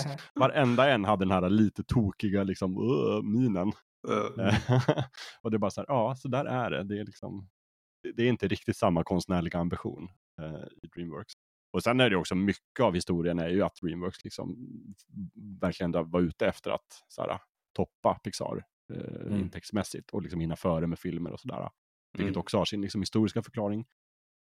Eh, ja, men jag vet inte, ska vi liksom... Jag har lite bakgrund innan vi kommer fram till Toy Story och sådär. Ska vi bara liksom gå igenom den och ni får gärna avbryta och komma med era egna instick och sådär. Jag har lite anteckningar här. Så får man någon sorts bakgrund. Jag tycker det är ganska spännande. Och det man framförallt tycker jag märker är att väldigt, väldigt tidigt så fanns det idén om att vi ska göra en datoranimerad långfilm på Pixar. L- långt innan de än jobbade med film. Så var det liksom, det här är målet och sen så ska vi jobba fram till det. Och, och på den vägen så gjorde de liksom eh, datorer och mjukvara och reklamfilmer och, och kortfilmer och alltihopa. Men, men målet var någonstans från väldigt tidigt att vi ska göra en datoranimerad långfilm. Kör hårt. Jag tror att det är välbehövlig kontext till eh, då fattar man liksom så här, ja, Ja, men precis. Egentligen kan man väl säga att det är väl typ två personer som är synonymt med Pixar. En av dem är ju Ed Catmull. Och den andra är ju då John Lasseter. John Lasseter är ju, måste vi säga, väldigt mycket i onåd idag. Han är ju liksom lite grann försvunnit från, från Disney Pixar Mm. eh, i följden av den här metoo-härvan. Det var, jag kommer inte ihåg vilket år det var, men det kom ju fram i alla fall att han hade betett sig mycket olämpligt. mm, det var ju ja, 2017. 2017 när, var det, när okej. så- Me, metoo bara svepte över filmbranschen. Eh, och jag vet inte, jag, jag, jag kan inte säga så mycket om det egentligen, mer än att det såklart är sjukt beklagligt. Men det är också det som jag tycker är li, lite obehagligt att se. Så här, jag kollar på ganska mycket gamla så här, dokumentärfilmer om Pixar och väldigt mycket så här bakom material på DVD-erna. Och det man får, det är väldigt, väldigt, väldigt mycket John Lasseter. Eh, fram till 2017 och väldigt Ja. lite John Lasseter efter. Men det blir, man blir lite sådär, jag skruvar lite på mig i alla fall, för de, de målar upp honom så mycket som liksom så här, alltså på riktigt så här, nästa Walt Disney och John Lasseter är liksom eh, geniet som får allt det här att hända. Och alla filmer är hans vision. Och han är en sån fantastisk, liksom, mysig person och, och går omkring och vill liksom att allt ska vara en stor familj. Och liksom också sättet han pratar på. Och sen så får man liksom den här eh, avslöjandet efter 2017. Det ger en lite så här tråkigare perspektiv på alla, alla gånger de pratar om stämningen på Pixar Studios och sådär. Hur det var liksom fritt och öppet och alla springer omkring och leker och skjuter så här paintball med varandra och sådär. Jag vet inte, ja okej, men samtidigt hände mycket tråkigare saker. Mm. Um, men det som hände väldigt snabbt var liksom att efter att han försvann så handlar alla filmerna alla, alla bakom filmerna om filmerna handlar bara om vilket otroligt samarbete det är mellan teamet. det är verkligen så här Disney, vilken historia ska vi berätta? Nu ska vi berätta en historia om där alla filmer är stort, ett teamwork av liksom drivna individer som samarbetar och det är inte en enda person som är liksom galjonsfiguren. det, det, har de väl lärt sig i alla fall. Då. Men, men oavsett så är Lasseter jätte, jätteviktig för liksom den första tiden och man kan ju någonstans, oavsett vad som hänt, så kan man inte riktigt ta ifrån att han har gjort bra filmer. Att han har någon form av liksom konstnärlig vision och tro på mm. animationen. Eh, det får man ju säga. Eh, så att han är med jättemycket i den här tidiga historien. Och mycket börjar väl med honom egentligen, att han gick ju på den här Disney animationsskolan i Kalifornien. Mm. Eh, någonstans 79 så började han jobba hos Disney. Han var liksom typ bäst i klassen. Han gick i skolan med Alltså vi pratar typ Tim Burton och Brad Bird och eh, ja, alla de här liksom eh, skaparna. Gräddan? Liksom, ja, Gräddan gick hos, hos, Disney och lärde sig animera och sen så började han jobba hos Disney 79. Var animatör på storfilmer som Micke och Molle och Den magiska kitteln varav liksom båda tokfloppade. Eh, det här har vi pratat om Gustav i vårt yep. tecknade filmavsnitt. En mörk tid i, verkligen. The Dark Ages. Där de liksom inte la pengar på animationen egentligen och de hade heller också tappade liksom så här det gamla gallret som hade liksom hantverkskunnandet och sen så var det ett nytt garde som var hungriga och ville testa nya idéer. Och så hade de gamla surkartar i ledningen som inte ville prova nya idéer. Skeptiker. Verkligen. Ja. Uh, och i den här härvan då hamnade John Lasseter. Och liksom de, de, alltså filmerna såg, jag kan ju tycka om alla filmer från den här perioden av nostalgiska skäl, men de ser ju väldigt platta ut jämfört med det som har varit tidigare. Där de har öst ner, alltså produktioner som Törnrosa och liksom Askungen. Eh, där de har plöjt ner pengar och resurser och verkligen försökt göra det bästa de kan. Till de här lite trötta liksom, tidiga 80-talsproduktionerna. Och så jämför med det som kommer sen då i renässansen under liksom, 90-talet. Så är det här ganska platta filmer. Eh, men John Lasseter ville någonstans, hans idé, dröm var ju liksom att göra en egen film och trodde väldigt mycket på just det här med datoranimation. Eh, så att han, eh, han pitchade hela tiden datoranimerade filmer och det han ville göra var en, en tolkning av en film som heter Brave Little Toaster. Jag vet inte om vad den heter på svenska, typ Den modige lilla brödrosten kanske. Ja. Det blev ju till slut en, en vanlig 2D-animerad film. Men han, han ville göra den liksom och så gjorde han en kort konceptfilm för att visa liksom så här, vad är möjligt med datoranimation. Så gjorde han en konceptfilm som var baserades på uh, Where the Wild Things Are, alltså Vildingarnas land. Som mm. också blev en film nu på sistone, alltså för typ tio år sedan. um, men det var liksom en minuts bara konceptfilm där han blandade typ traditionell animation med datoranimation. Och så. Finns på YouTube, väldigt cool. Och sen så visade han den för sina chefer och sen så Disneys um, vd då hette Ron W. Miller, som var alltså gamle Walt Disneys svärson och vd på Disney. En riktig liksom, surgubbe. Han sa väl i princip det när han sett den här, bara liksom, ah, varför gör ni med dator? Så här, är det billigare? Och han bara, vad kommer det kosta? Och John Lasseter bara, ja men det kommer kosta typ, ja, lika mycket som, inte mer än en vanlig film. Då fnyste Ron Miller bara och sa, enda anledningen till att göra med, med datorer, det är om det blir, går snabbare eller om det är billigare. Och sen så typ gick han därifrån. Eh, det här berättar John Lasseter själv. Och sen bara typ fem minuter senare så blir han uppringd till, eh, till kontoret hos animationsansvarige och sen så säger de bara okej, okay, nu är ditt projekt slut så att nu är din tid här på Disney slut också, så du kan gå. Och så fick han sparken liksom bara för att han retade ledningen med sina vilda idéer om datoranimation. Eh, så var han hade fräckheten att ha idéer. Han hade fräckheten att ha idéer. Så. Eh, samtidigt, i en annan del av USA, så jobbar Ed Catmull på, eh, i New York på någonting som heter Computer Graphics Lab. Som är någon sorts, inte vet jag, tekniskt institut som, jag vet inte, de pysslar med teknik. och liksom teknikens möjligheter. Eh, men han har också någon form av liksom kreativa ambitioner. Så att han får kontakt med George Lucas på Lucasfilm. Och det här är 1979. Då skapar George Lucas liksom Lucasfilm Computer Division. Alltså där, ett, egentligen ett bolag som ska ta hand om liksom specialeffekter och sådär. Det är väl en del av det här Industrial Light and Magic, Light and Magic tror jag, exakt. Mm. som gör alla specialeffekter. Men det här är liksom datadivisionen och så här, vi ska göra liksom, datoreffekter. Eh, och han, i liksom den officiella storyn, om man kollar på dokumentärerna, så liksom så här bara bondar dem och han anställer Ed Catmull. I, I verkligheten ve- verkar det som att det har varit mycket mera så här fulspel. De liksom under ett års tid fick de så här, folk fick säga upp sig från CGL, flytta till Kalifornien, ta ett annat jobb i två månader för att det inte skulle märkas att George Lucas liksom poachade egentligen hela avdelningen från CGL. Men det gjorde han. Och sen så bildade han då Lucasfilm Computer Division med de här människorna. En av deras första grejer jag vet inte om ni har sett eh, Star Trek 2, The Wrath of Khan. Kanske, Ja, den, ja. bästa, Oh, ja. kanske den bästa Star Trek-filmen. I den filmen så finns det ju en, en datoranimerad sekvens. som kallas Genesis-sekvensen som är ungefär en minut. Där, man, där de visar Genesis Device som är så här en, en teknik som man skjuter in på en obebodd planet och sen så terraformar den planeten. Det blir kära skogar och sjöar och liksom atmosfär och sånt där. Det är en viktig del av plotten, men hela den sekvensen gjorde liksom eh, Lucasfilm Computer Division. Det var väl en av deras första stora projekt. Liksom. Och den, är ju, den var ju så lyckad och bra att de använde den i tre Star Trek-filmer sen efter. Både Star Trek, Star Trek 2, 3 och 4 så är den där sekvensen med. Nej, ta, ta den igen. Fan. Kör, kör. ja, precis, verkligen. Den här är så bra, vi visar den igen. Det var väl det. De gjorde också någon, jag har inte sett den, Young Sherlock Holmes finns det någon film som heter. Har ni sett den? Nej, Tyvärr. nej. Där finns det i alla fall någon sekvens där en typ eh, så här stained glass, alltså glas konstverk Mm. får liv och blir typ en riddare. Som, och det är också så här att de har animerat den också. Eh, superpoppis. Så att de fick liksom väldigt mycket uppmärksamhet och profiler där liksom.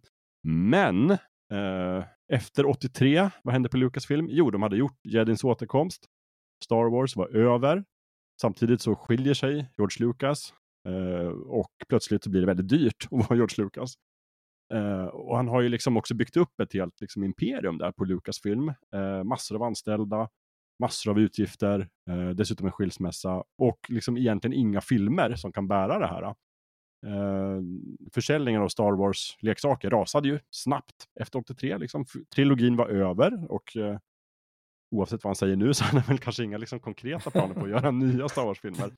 Ehm, jag vet inte vad han gör under 80-talet. Det är väl några sådana här Howard the Duck Ja, to, totalfloppen Ja. Howard the Duck. och Willow som kanske gick lite bättre, men inte något som så här, sätter mat på bordet åt liksom 8000 anställda och sådär. Så att jättemånga folk hänger löst, eh, bland annat då Lucasfilm Computer Division. De känner verkligen så här, oj, oj, oj, vi, eh, vi kommer att säljas. Eh, ungefär då, samtidigt 83, så börjar också John Lasseter jobba hos Lucasfilm och på den här Computer Division Group som interface designer. Men i verkligheten så var han där för att liksom så här, ah, nu ska vi börja jobba här och se om vi kan göra något coolt tillsammans. Jag tror att Ed Catmull och John Lasseter hade träffats på någon ja, datorkonferens och börjat bonda, prata om så här, vore det inte coolt om man kunde göra en datoranimerad film? Uh, ja, men i alla fall då, till slut då så träffar George Lucas en person som heter Steve Jobs, som också är ganska känd, grundaren av Apple. Eh, det här är 1986 och då har ju Steve Jobs fått sparken från Apple, företaget han grundade. Eh, liksom, han har blivit utpetad där, så att han har liksom ingenting att göra, men jättemycket pengar. Eh, Så att han investerar i det här och då blir ju Pixar ett eget bolag egentligen. Och det är Mm. 1986. Så då brukar man säga liksom att Steve Jobs grundade Pixar. Men han investerade liksom 10 miljoner dollar och blev majoritetsägare och flyttade dem, jag kommer inte ihåg vad det heter nu, men uppe i norra Kalifornien någonstans i någon stad och så öppnade han kontor där. I någon gammal industristad. Tydligen så var det så här att typ var, var sjätte vecka så var de tvungna att evakuera kontoret för att någon stor fabrik där skulle liksom eh, spy ut en massa gifter i atmosfären för att de liksom var tvungna att tömma någon stor masugn eller någonting. Så då fick man inte vara i området. Så, att, eh, så satt de och jobbade under. Och liksom där är ju målet liksom också så här, vi, nu, vi ska göra en animerad film. Jag tror också att 86 så kommer den första eh, datoranimerade kortfilmen från det här gänget. Och det är ju Luxor Junior som är den här kortfilmen Lampan. med, med lampan, Mm. den hoppande lampan som också är deras logo. idag. Eh, kom 1986, jag tror den fick någon special Oscar eller någonting. Eh, annars är ju liksom det som, som ska bli deras kommersiella produkt är liksom hårdvara. Och de, eh, alltså Steve Jobs kommer ju från datorvärlden och de har någon sorts dator som heter Pixar Image Computer. Som är liksom jätte, jättebra prestandamässigt och gjord för att liksom rendera, eh, rendera datormodeller. och tanken är att den ska användas liksom både i filmbranschen och i liksom, ja, medicinsk bransch och i forskning och sådär. Problemet är bara att den är svindyr. Jag kommer inte ihåg vad den kostar. Men eh, jättemycket pengar. Eh, Disney är väl en av de få liksom, eh, företagen som köper den här datorn och använder den i sin produktion. Eh, jag tror 1988, alltså två år senare, så hade de sålt 120 exemplar av den här datorn. Eh, och som sagt, den var jättedyr, men det är liksom ingenting som får det här eh, företaget att gå runt egentligen. Eh, samtidigt på Disney så har ju, det har vi också pratat om Gustav, eh, mästerdetektiven Basil Mus blir ju en, en blygsam framgång efter de här tokflopparna. Mm, jag känner lite på vattentemperaturen med den. Lite framgång och Disney känner ändå så här, okej, okay, men kanske att vi ändå ska fortsätta med det här med tecknade filmer. Eh, då börjar ju också Michael Eisner, han blir ju Disneys vd däromkring. Eh, 88 så gör ju också Disney den fantastiska filmen Vem satte dit Roger Rabbit? Mm. Även om de, de producerar den inte, utan det gör ju liksom Steven Spielbergs folk. Och eh, de distribuerar den inte under Disney-märket utan under Touchstone för att den är alldeles för vågad för att vara en Disney-film. En riskabelt projekt. Verkligen riskabelt, men den blir ju en tok-succé och är väl egentligen bara intressant i, i det här avsnittet för att den liksom visar att så här, vilken, vilken kommersiell kraft det finns i animation. Även om Roger Rabbit, det finns ju inte en enda sekund datoranimation med i den filmen, utan allt är ju handgjort, vilket gör det på sätt och vis väldigt, väldigt imponerande. Eh, någon gång borde vi bara prata om Roger Rabbit, ett helt avsnitt. Ja, verkligen. Oh ja. Super, superbra film.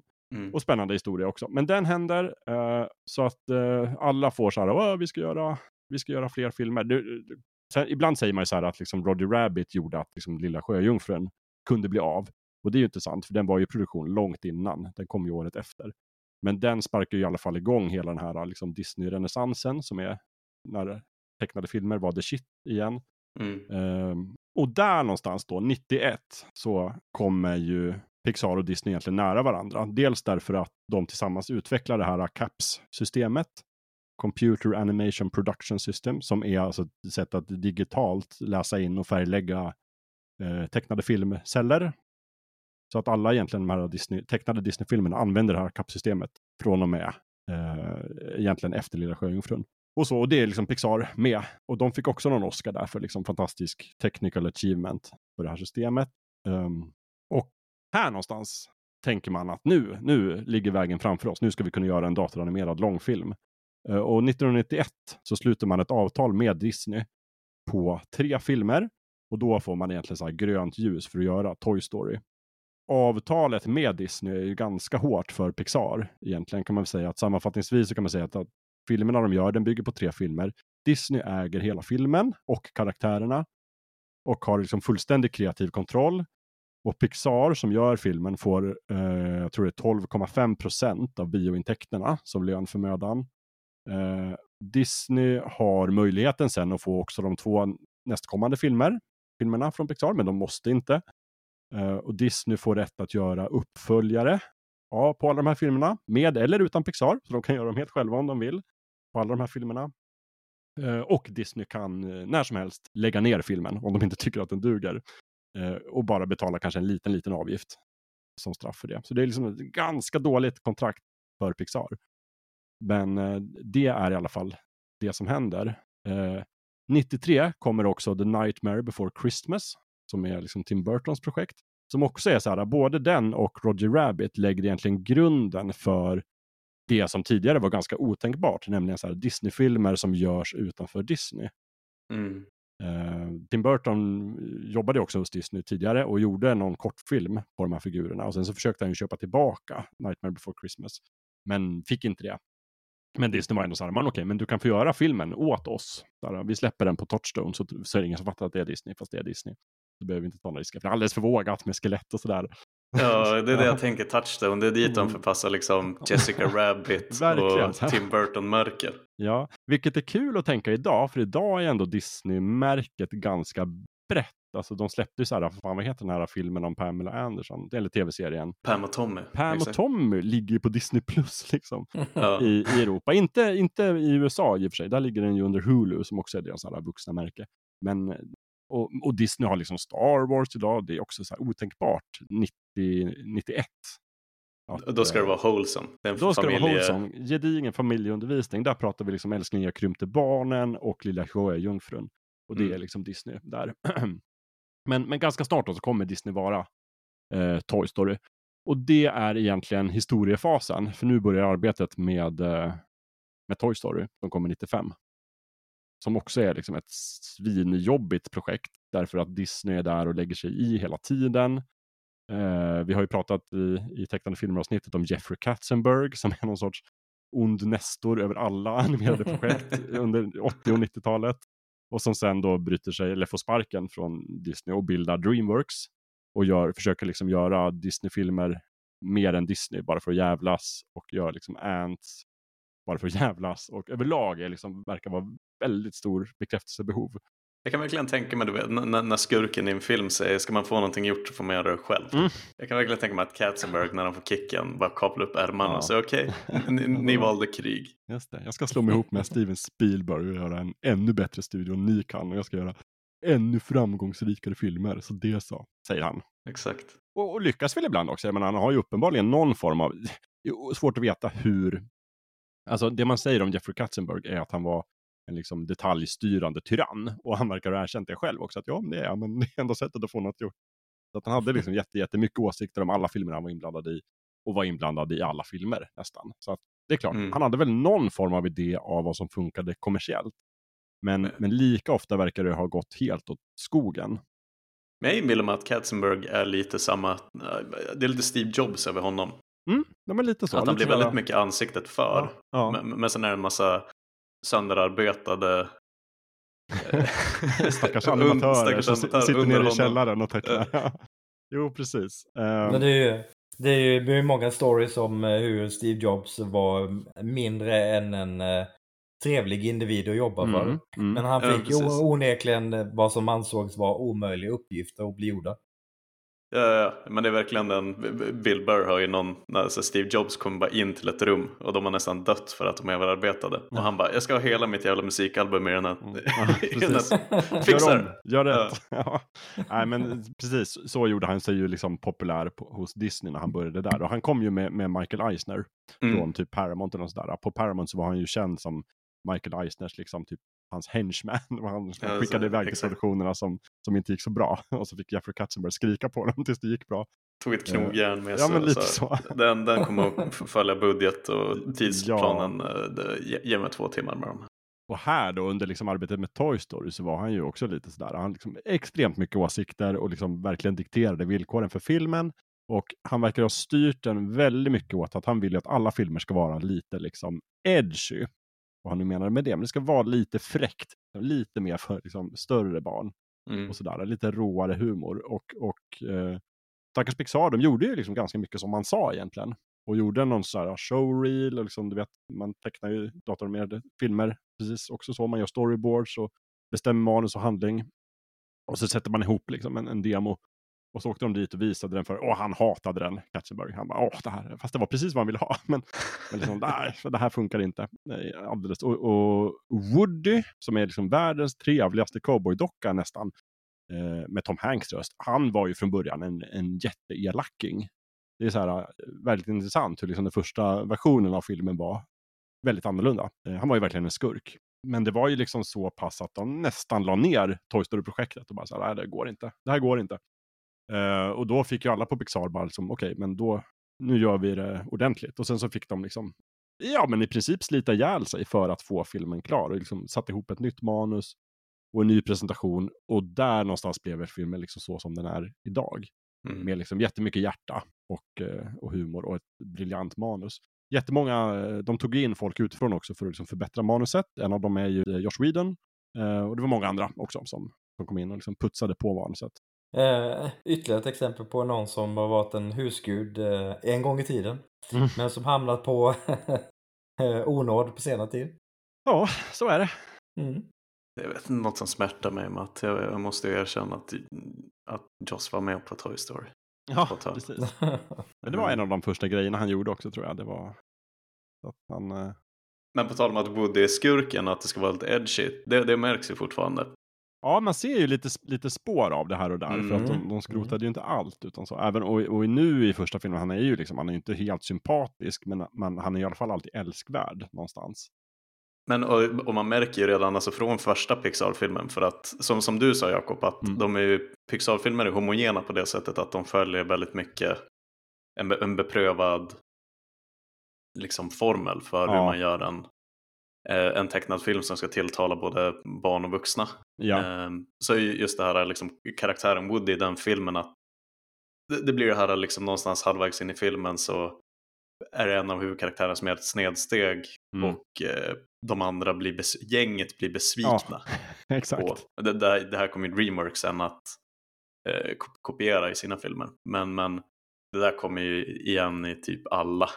filmer eh, som de gör. Ja, de hittade ju verkligen liksom mallen egentligen i, i Toy Story. så. Sen, mm. Eh, sen är det svårt att veta vad som är vad där, hur, många, hur mycket är det Josh Whedon som kom in. Förmodligen inte, men däremot gjorde han ju några grejer som liksom gjorde filmen eh, bättre. Jag kommer inte ihåg vilket. Men, eh, men så, så är det väl det. Sen är det ju jättemycket liksom, den tekniska sidan. Alltså de, det, är, det var ju verkligen oprövad mark egentligen för att sätta ihop en. Så jag, jag har läst eh, tips, bara boktips är ju Ed Catmulls egen bok som heter Creativity Inc.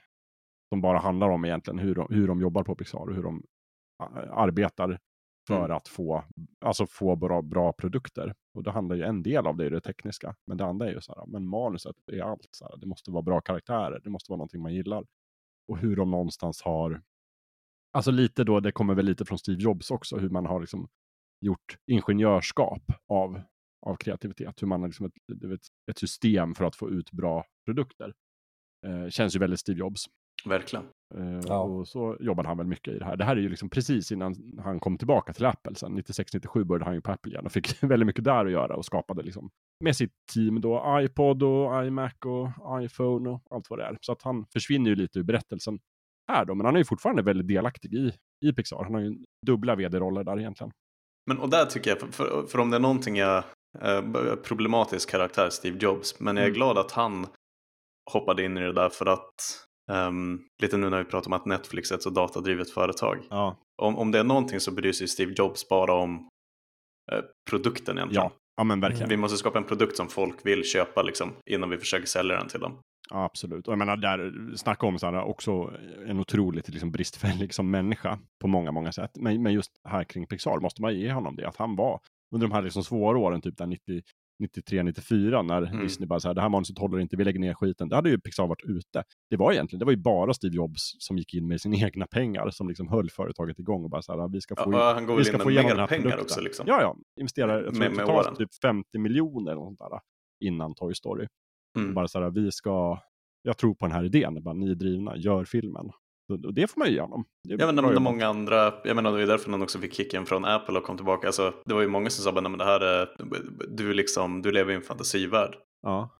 Ehm, mm. Um, så det är tur att han hade pengarna att uh, tro på den fantasin fram till att Toy Story faktiskt uh, kom ut på bio. Som ju är en fantasivärld. Ja, verkligen. Där leksaker blir på liv. Men ja, nej, men som sagt, men det är också hela den här liksom, grund, du vet den här liksom, idén om crunch och sådär. Det finns ju också här, hur man liksom hela avdelningen sliter ihjäl sig för att få produkten klar. Mm. Uh, och, och, jag kan bara fantisera om så här, att man, man jobbar som stackars liksom animatör hos Pixar och så har man liksom Steve Jobs på ena sidan och så har man Jeffrey Katzenberg på andra sidan. Oh, och de bara så här, sluta, låt mig vara i fred. Alla bara skriker. Det var, exakt, det är verkligen så. Ja, ja. Sen var det ju en jävla lyckträff att man fick in liksom både Tom Hanks som rösten till Woody. Uh, för, för, det här är alltså 94 kom ju Forrest Gump egentligen. Han var ju stor innan, men då slog han ju verkligen igenom. Så att när Toy Story kom 95 så var ju Tom Hanks typ störst. Och mm. även, vad heter Buzz Lightyear? Tim Allen. Tim Allen. Som ju var med, vad är det, Home Improvement, tror jag. Mm. Och det här är ju före eh, animerad film ett, eh, ett fordon för kända namn. Mm, ja, men att, verkligen, verkligen. Att bara spela in en röst liksom. Mm. Toy Story öppnar 95. Megasuccé. Alla älskar den, utom då 15-åriga Jakob som inte vill se den.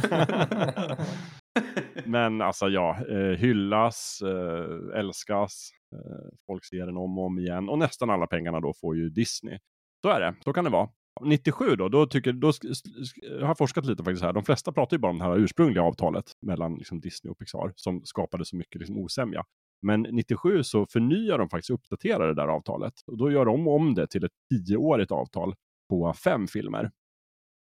Då är det ändå så här äh, lite bättre deal för Pixar, fortfarande ingen bra deal, men då ska de i alla fall dela på kostnaderna, Disney och Pixar, och dela på intäkterna och dela på log logon. Så att då, tidigare stod det ju bara Disney på filmen, mm. men nu kommer det stå liksom Disney Pixar eh, som ett delat brand och Disney går in och köper, jag tror ungefär 5% av aktierna och blir liksom delägare i Pixar ändå. Och Pixar kommer också få en del intäkter från liksom köpfilm och leksaker och spel och hela den här biten som, som är så viktiga för kosingen. Mm. Så det var det. Och vid den här tiden då har ju också uh, Jeffrey Katzenberg slutat slash sparkats från Disney och bildat uh, Dreamworks Animation och drivs av hat mot Disney och hat mot Pixar. Han, han sitter bara där på kammaren och äh, plottar liksom. Ja, och, och liksom, jag vet inte, ingen, ingen sida verkar väl ha tyckt speciellt mycket om den andra, men, men äh, däremot så då nästa film då från Pixar blir ju A Bugs Life som också John Lasseter eh, leder, som också jobbar med. Eh, och där då är ju egentligen eh, Jeffrey Katzenberg stressar folk på Dreamworks för att få ut Ants månaden innan. Mm. Som är hans datoranimerade film om, om småkryp. En råare A Bugs Life. Ja, men lite råare, lite mer sådär Woody Allen som rösten istället för vem det nu är i, i A Bugs Life. Men ja, lite mera Jeffrey Katzenberg än John Lasseter kanske. Det är en himla hot take att tycka att Ants är bättre. jag tycker båda har liksom vissa kvaliteter. Jag gillar jag Life bättre, men, men jag, kan, jag tycker att det finns utrymme för båda. Men däremot kanske det inte fanns utrymme liksom samma biohelg. för båda, det kan jag väl förstå att det var lite dumt. Men jag tror hela grejen var att från början så skulle Ants släppas senare egentligen så skulle den första filmen från Dreamworks bli eh, Prince of Egypt, som är en sån här jättemaffig 2D-tecknad, handtecknad film. Eh, jättebra är den. Jättebra. Verkligen. Men där var ju, där vägrade ju Disney att flytta releasedatumet för A Bugs Life. Så då skulle de egentligen komma samma och då blev ju Jeffrey Katzenberg så arg att han bara okej, okay, men då tänker jag släppa Ants tidigare. Så, så här, piskade han sin personal för att de skulle göra Ants klar tidigare. Uh, och sen kom ju Prince of Egypt uh, ett halvår senare då, som blev den andra filmen. Mm. Jag tycker också den är jättebra. Katzenberg. Vi, vi, vi ska göra en insektfilm, ni har sex månader på er. Fuck Disney. ja, nej, men sen är det svårt att veta vad som kom vad, men de stämmer ju naturligtvis eh, varandra utifrån så här, typ idéstöld och sådär. Steve Jobs var ju rasande och ringde många mm. samtal Katzenberg. uh, och John Lasseter tror jag blev lite så här duperad av Katzenberg, för de hängde ganska mycket och mm. pratade mm. och då frågade han så här, men vad jobbar ni med på Pixar? Och så där. På fyllan, du vet. Ja, det, så det är så det går till. Vi ska göra en film om, om insekter. Ja. Jeffrey bara skriver upp i ett block. Så, du jag måste dra nu, jag ska till studion. Shit vad sent det är, jag ska skjutsa ungarna på hockey imorgon. Och så ringer han bara ett stressat samtal. Han häller upp en stor whisky när han kommer hem. Bara, äh, insekter, vi måste tänka insekter. Bara, tre ord, datoranimerad, ja. film, insekter, kör. Mm. Ja, nej men vem vet, vem vet. Han, tycker ju, han hävdar ju att idén till att göra en, en datoranimerad film om småkryp kommer från typ något sorts pitchmöte från 91 som han eh, bjöd in till och så vidare. Och så vidare. Ja, det är så, jag ja. hoppas att man aldrig hamnar i ett sånt där, du vet, när det blir en livslång fade om vem som sa vad på ett pitchmöte 91. I, i fulkultur menar du? Ja. Nej, precis. Ja, då blir det bittra, bitterstäm då blir det stämningar mellan oss då. Han, Fast å andra sidan, om, om alla i slutändan är liksom dollar multimiljonärer så då kanske man kan ta en fade. Då må det vara hänt. Ja. I slutändan så, så fick ju Jeffrey Katzenberg massa miljoner av Disney i någon sorts lawsuit om typ uteblivna intäkter och sådär. Men det är ju en annan historia och mycket, mycket tråkigare. Och det känns mycket som en sån, oh, okej, okay, om du bara håller käften om det här nu så får du Ja, men det var, det var ju ja. lite så tror jag också. Sådär. Uh, ja, ja, men strunt samma. Nu är ju liksom eh, Pixar verkligen ett household name och lite av Disneys kronjuvel också. Kollar mm. vi på, på årtalen här så är vi framme kanske vid 99. Eh, Disneys så kallade renässans har ju slut här med Tarzan. De har gjort då, vad det, ett, ett antal liksom superframgångsrika traditionellt tecknade filmer med, med ganska mycket datoranimation i sig. Eh, alltså Lejonkungen och Ringaren i Notre Dame och Aladdin och- Aladdin och Pocahontas och, och så vidare. Och Tarzan då räknas som den sista, den kom 98. Eh, sen går det ju lite utför samtidigt som datoranimerade filmer går lite uppför. Um, och liksom vindarna blåser åt det här hållet. Slutsatsen alla drar är att det måste vara själva datoranimationen som är hemligheten. Vi ska bara göra datoranimerade filmer. Och här, det här blir ju för övrigt, när, när du sa vi spelade in ett avsnitt om tecknad film mellan åren eh, liksom fram till 2003. Ja. Om det var någon som tänkte i början av avsnittet varför just fram till 2003. Det, det är ju för att eh, Pixar har som monster de monsterfilmer och, och Mm. Dreamworks vill haka på. Mm. Så som du säger, folk inser att datoranimerat det är det nya svarta. Mm. Ja men exakt. Jag kommer inte ihåg vilken film, vilken Disney-film som kom 2003 som gjorde att vi valde. Ko... Nej, den kom 2004. Men det kanske var något Nej just det, det var ju alltså den, eh, vilken kalkon det är som kommer. Ja, Mm, men vi måste ju, va- varför valde vi 2003 som slutdatum? Det är det jag menar. Men det, det kan man få lyssna i avsnittet, då får Ja, man en ja, bra förklaring på det. det. Björnbröder släpps 2003. Just det, okej. Ja, ja, någonstans där var det väl så här att de... Men det är ju lika mycket, det är ju inte att, det är inte att han tecknat bara tappa ångan för att, utan det är också för att eh, Pixar bara kom, kommer från, från vänsterkanten i 120 km i timmen. Ja, Ha! men ja, absolut, absolut. Och eftersom Toy Story var den första supersuccén så bestämmer sig Disney för att nu ska vi göra en Toy Story 2, hörni. Och vi har ju lärt oss av våra tecknade filmer att snabba, billiga uppföljare som går direkt till video, det är en jävla pengako. ja. Så gör det Pixar, säger de. Och Pixar säger, ja, fast vi vill hellre göra bra filmer på bio. Och de säger, håll käften, gör den här uppföljaren. Eh, och sen så hyr Disney, i, i princip så anställer Disney ett eget team av animatörer som börjar jobba på Pixar och sitter liksom i, ett eget, i en egen lokal på andra sidan, liksom tvärs över, tvärs över gatan och börjar jobba med då Toy Story 2. Um, Lasseter är inte inblandad i det här steget. Och eh, den verkar vara ganska dålig. Eh, men liksom det är liksom egentligen, egentligen teamet som gör Toy Story 2 från början är samma team som gjorde Toy Story-spelet 95 eller 96 när det kom. Alltså ett 3D-datorspel på Toy Story. De animatörerna får nu börja jobba med liksom Toy Story 2. Eh, samtidigt då som, som huvud-Pixar-gänget jobbar på A Bugs Life. Ehm, Ett kingigt spel vill jag bara säga. är det det? Ja, jag har inte Ja. sett det, men det var nog ganska bra tror jag. Och, och rätt bra animationer också antar jag, för, för att vara den tiden. Väl? Ja, alltså eh, jag var ju väldigt ung när det här begav sig. Men eh, jag, jag tyckte om egentligen både Toy Story-spelet och Toy Story 2-spelet. Mm. Sen hade ju inte riktigt tekniken på den tiden eh, kapaciteten för att visa upp eh, briljerande 3D-animation. Men Mm. med, med de förutsättningar de hade så var det ju snyggt. Ja men absolut. Um, kollar man ju också nu på så här typ bakom kulisserna dokumentärer för Toy Story 2 så är ju berättelsen ungefär så här att ja vi började göra den här direkt videouppföljaren. Sen märkte vi att den var jättebra och så bara stöpte vi om den till en biofilm. Och, liksom, eh, och det är ju inte riktigt sant. Där har de liksom, det är en sanning med Ja, modifikation. eh, är man en bekväm sanning. Liksom. En bekväm sanning. De utelämnar en hel del, nämligen typ att eh, till slut då så liksom bara bestämde sig Pixar för att okej, men vi, vi kan inte släppa den här skiten. Vi måste göra en ordentlig film. Ehm, och sen så, för att den var inte bra, så att den också skulle läggas ner. Och då bestämde de sig för att vi gör om och vi gör rätt och vi gör en bra film. Och sen så i januari 98 så, så bara gjorde man återigen bara helt om, slängde bort hela filmen, den var 90% klar, eh, började om och sen så slet man ihjäl sig i sju månader för att få klart filmen. Som hade också en så här jätte, jättehård deadline hos Disney. Det var ju, alltså, de hade ju avtal med McDonalds och med Max och, bioreklamen. så många Happy Meals? Ja men verkligen, alltså, vi har ju avtal på miljarder. Vi, det, den filmen ska komma i juli 99, annars så, så kan ni dö Pixar. Ungefär så var det. Och det var bara så här, okej filmen kommer vara klar då. Vi måste slita ihjäl oss. Och Lasseter hade ju liksom precis regisserat då både Toy Story och A Bugs Life. Hade åkt på semester, kom tillbaka och egentligen fick de säga till honom bara du måste ta hand om det här nu. Som du får regissera. Har du en film till i dig? Han bara eh, okej, tveksamt. Men, ehm, och liksom, det var verkligen så här, ah, det, verkar, det här verkar ha varit liksom crunch times of all times. Det här verkar ha varit den värsta perioden i Pixars. Eh, till och med Steve Jobs, som är så här, inte verkar ha mycket förståelse Wow, för liksom, chilla. överarbetande. Till och med han säger i filmen så här, bara, det här nästan tog livet av oss.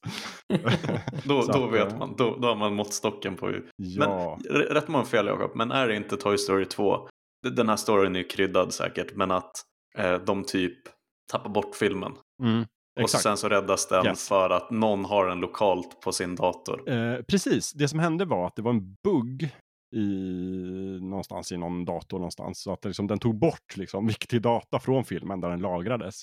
Eh, och det här upptäckte man inte direkt. Så att när man upptäckte det så var liksom egentligen hela filmen man hade gjort hittills korrupt. Och eh, det här var liksom innan molnet och sådär. Så att, men då visade det sig att en person som hade jobbat hemifrån under en period Mm. hade liksom hela filmen på sin dator hemma och hade inte uppdaterat till det senaste systemet. För då hade hon fått med den här buggen. Så att eh, hon hade fortfarande liksom en kopia kvar hemma. Som de då fraktade tillbaka till Pixar med liksom, och körde väldigt försiktigt fram. och som, som var liksom värd kanske 100 miljoner dollar eller någonting sånt där. Och då lyckades man liksom återställa nästan hela filmen. Eh, det är sant, den historien finns ju. Det är en jättebra historia. Det är bara det att den, det var egentligen den här första direkt video-uppföljaren som nästan försvann. Jaha, fan! Så att det, det- det är där skon klämmer. Ja, så att i slutändan så var det ju ändå den filmen man kastade bort. Så, men det, det säger de inte heller i liksom bakom materialet. Så att det, det är inte lika bra historia då. Jag önskar att Ja. du inte berättade det där. Jag skulle inte ha Ja. frågat. Och i Jag slutändan så använde vi inte den. trott att vi var, liksom, vi var en lokal backup ifrån att inte få Toy Story 2. Ja, precis. Eh, men ja, men vem vet vad som hade hänt? Då hade de kanske, vi hade kanske fått en ännu bättre. Nej, men det, jag tycker det är helt otroligt att Toy Story 2 är så fantastiskt bra som den är. Med tanke på de omständigheterna som den gjordes i. Mm. Det är faktiskt helt, helt knäppt där. Jag tycker inte den är riktigt lika bra som ettan, men jag tycker den är superbra. Och som sagt, det var ju den som fick in mig på Pixar och verkligen sålde in mig. Och den var ju superrolig och jättemycket liksom, popkulturella referenser. En riktig Jakob-film. Och liksom mycket hjärta, mycket smärta. Mm. Jag skulle säga, åh gud, eh, tillbaka till Alien-avsnitten vi gjorde. Att Toy Story 1 och 2 är lite så Alien och Aliens. Att jag, kommer inte att, jag kommer inte att beskylla någon för att de har fel favorit av de två. Nej, nej men verkligen. Nej, nej. Eh, Och man ska säga, de, de lyckas ju med konststycket att både Toy Story och Toy Story 2 har 100% på Rotten Tomatoes. Alltså att det inte finns några negativa recensioner. Um, och det är få uppföljare som kan skryta med den. Ja. Men det konststycket liksom. Men jag har liksom väldigt svårt att se att någon verkligen inte kan tycka om de här filmerna. Som att det är så, de bara osar ju kvalitet. Det är lite sätt. omänskligt. Mm. Vad, vad säger du Lövet om, om tvåan? Eh, det är samma, samma sak egentligen. Det, när, när den släpptes så tyckte jag inte att den var riktigt lika bra som ettan. Men det är, det är bara för att ettan var ju så nyskapande när den kom. Så det är svårt för en uppföljare att få samma effekt. Även om den är lika bra eller bättre. Mm. så, så kan den inte riktigt få samma effekt. Men jag, jag blev också förvånad för eh, det, det var ju en tid när uppföljare in, oftast inte var sådär eh, briljanta. Eh, så, så jag hade ju inte så mycket förväntningar om att en, en uppföljare på en animerad film skulle bli någon eh, smash hit. Och det, därför blev det så, så förvånansvärt att, eh, att jag, jag inte riktigt visste om jag tyckte den var lika bra eller bättre än, än ettan. Men eh, det kunde jag inte riktigt avgöra, avgöra då.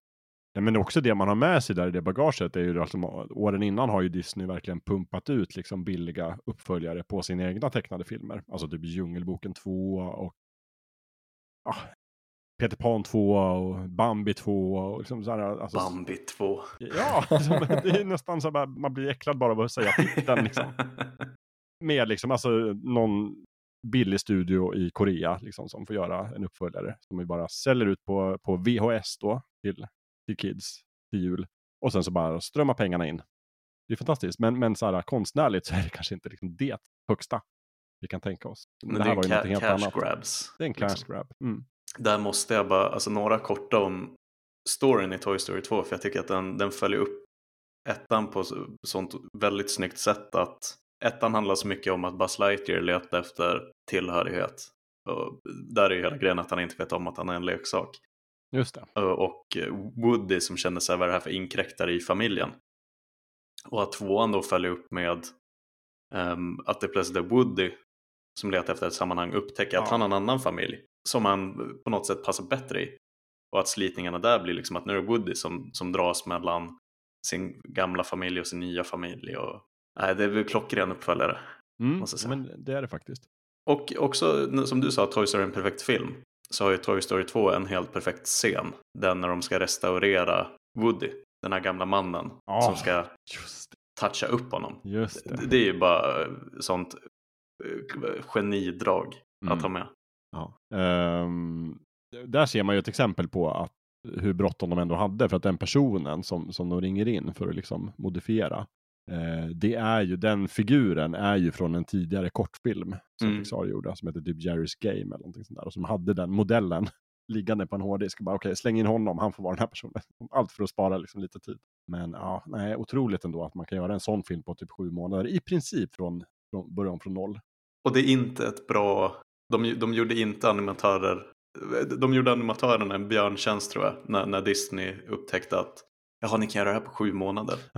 Ja, precis. Just det. Nu Och de typ en bara, please, vatten. Det som är lite surt med det här sen är ju att alla är ju jätteglada naturligtvis att Toy Story 2 är en sån otrolig framgång och liksom kritikerrosad.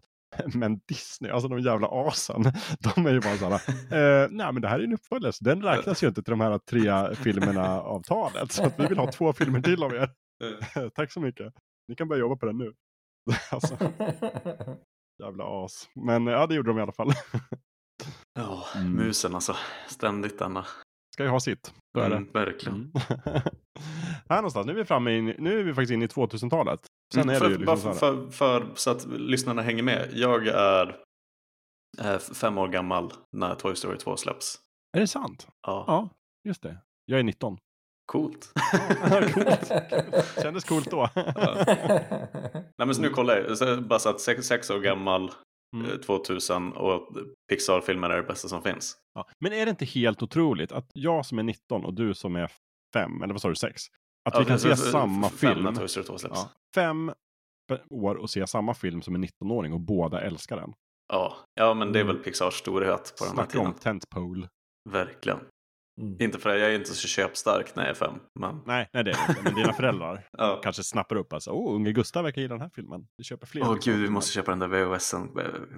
Men det är ju det som ni var inne på tidigare där med att de, de slänger ju med lite eh, eh, antydningar som, som passar vuxna och som, som barn missar helt. Mm. Som, så, så, som man såg då, jag som jag var 17. Jag skrattade åt eh, vuxenskämt som, Mm. som barnen inte alls fattade. Så, och när barnen blir tillräckligt gamla för att se den igen så fattar de vuxenskämten som de missade första gången. Så det är, det är ju briljant utformat. Min, min favorit där är ju i, ehm, i Sid, alltså den ondskefulla ungen. Han, hans sådana Frankenstein-leksaker har ju en massa vuxenreferenser eh, Mm. som man helt missar när man är liten. Men uh, jag får med, säger inte Bo Peep att eh, eh, jag, jag, jag, jag, jag har några som ser efter uh, fåren om så att vi kan få lite egen, egen tid. ja. Om man ser Ja. det som barn så fattar man inte vad hon syftar på där. Vadå, alltså hon har spelat på sex? Är det det du menar? Ja, ja, jajamän. Jaha, okej. Just det. Jo, det tror det, jag, det, det är tror jag också. det är i första, det är i första Toy Story. För, för, för mig. Det kanske det är, men, men absolut. Mm. Eh, på tal om Bo Peep, snacka om en karaktär som växer i fyran. Eh, fantastisk film. Nu går vi lite händelserna i förväg, men ja. Eh, det är otroligt tycker jag att, att de inte bara gjorde en och två bra Toy Story-filmer, utan faktiskt tre och fyra bra Toy Story-filmer. Sen är det väl, det är också någonting man kan jämföra med, med Dreamworks, som också försöker vara lite så här ah, humor för vuxna. Där är det ju nästan bara liksom den tidens popkulturella referenser. Alltså typ så här ah, hitlåten från den sommaren som de refer- refererar till. Eh, Medan Pixar-filmerna känns lite mer så här, tidlöst refererande vuxenhumor. Eller, eller håller ni med mig? Ja, men det, det känns lite som, eh, som att eh, föräldrar försöker vara hippa med barn. Eh, Alltså skämt, skämt på den nivån. Det, det, det funkar inte riktigt. Eh, Jag, jag ser vad ni försöker göra men ni landar inte. Ni, Nej, ni titta landar på- inte. Titta på Shark Tale till exempel. Eller Hajar som hajar på svenska. Hajar som hajar. Mm. Kanske den sämsta Dreamworks-filmen. Jag, jag, jag ger inte mycket för den. Kom också av någon anledning typ bara något, några månader efter Finding Nemo som också handlade om undervattnet. Ja, Ja. weird det där. Nej, men det, så här håller de ju på, liksom, de här två eh, USAs största animationsstudior och bråkar med varandra. 2001, Monsters Inc. Eh, Otrolig Pete film. Doctor regisserar. Mm. Ja, jättebra tyckte jag den var. Jätterolig och alltså fantasifull och bra och också så här, tekniska innovationer som hur man gör pälsen på Sully. Sally Mm. heter han ja, tack så Just det. mycket. Jag har suttit och grämt mig hela avsnittet. Just det, Sally. Sally och. Mike. Mike Kasowski. Ka- Mm. Precis, jättebra. Eh, det året får de ju faktiskt eh, dock, uh, förlorar de ju Oscar för bästa animerade film till eh, Shrek som kom 2001. Som Mm. jag måste säga kanske ändå är alltså Dreamworks absolut mest lyckade film och Mm. kanske också deras bästa film.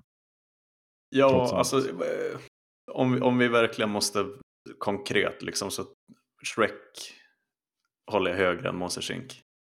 Ja, okej. det gör jag. Mm. Så, så det är inte en oförtjänt Oscar tycker jag. Ja, det, det, humorn är ju på en fantastisk nivå i Shrek. Alltså Mon- Monsters Inc. De, det, det är ju roliga karaktärer, roligt dialog och manus och sådär men det är inte på Shrek-nivå. Jag, jag, tycker att, jag tycker om Shrek, det gör jag. Jag tycker inte om uppföljarna till Shrek. Nej, inte men jag, men jag, jag gillar Shrek. Jag tycker att där fick de ändå till det. I liksom också så här konceptmässigt vad Jeffrey Katzenberg ville ha. Han ville ha liksom en, en lite så här råare humor. Lite så här anti-Disney, det lyckas han med.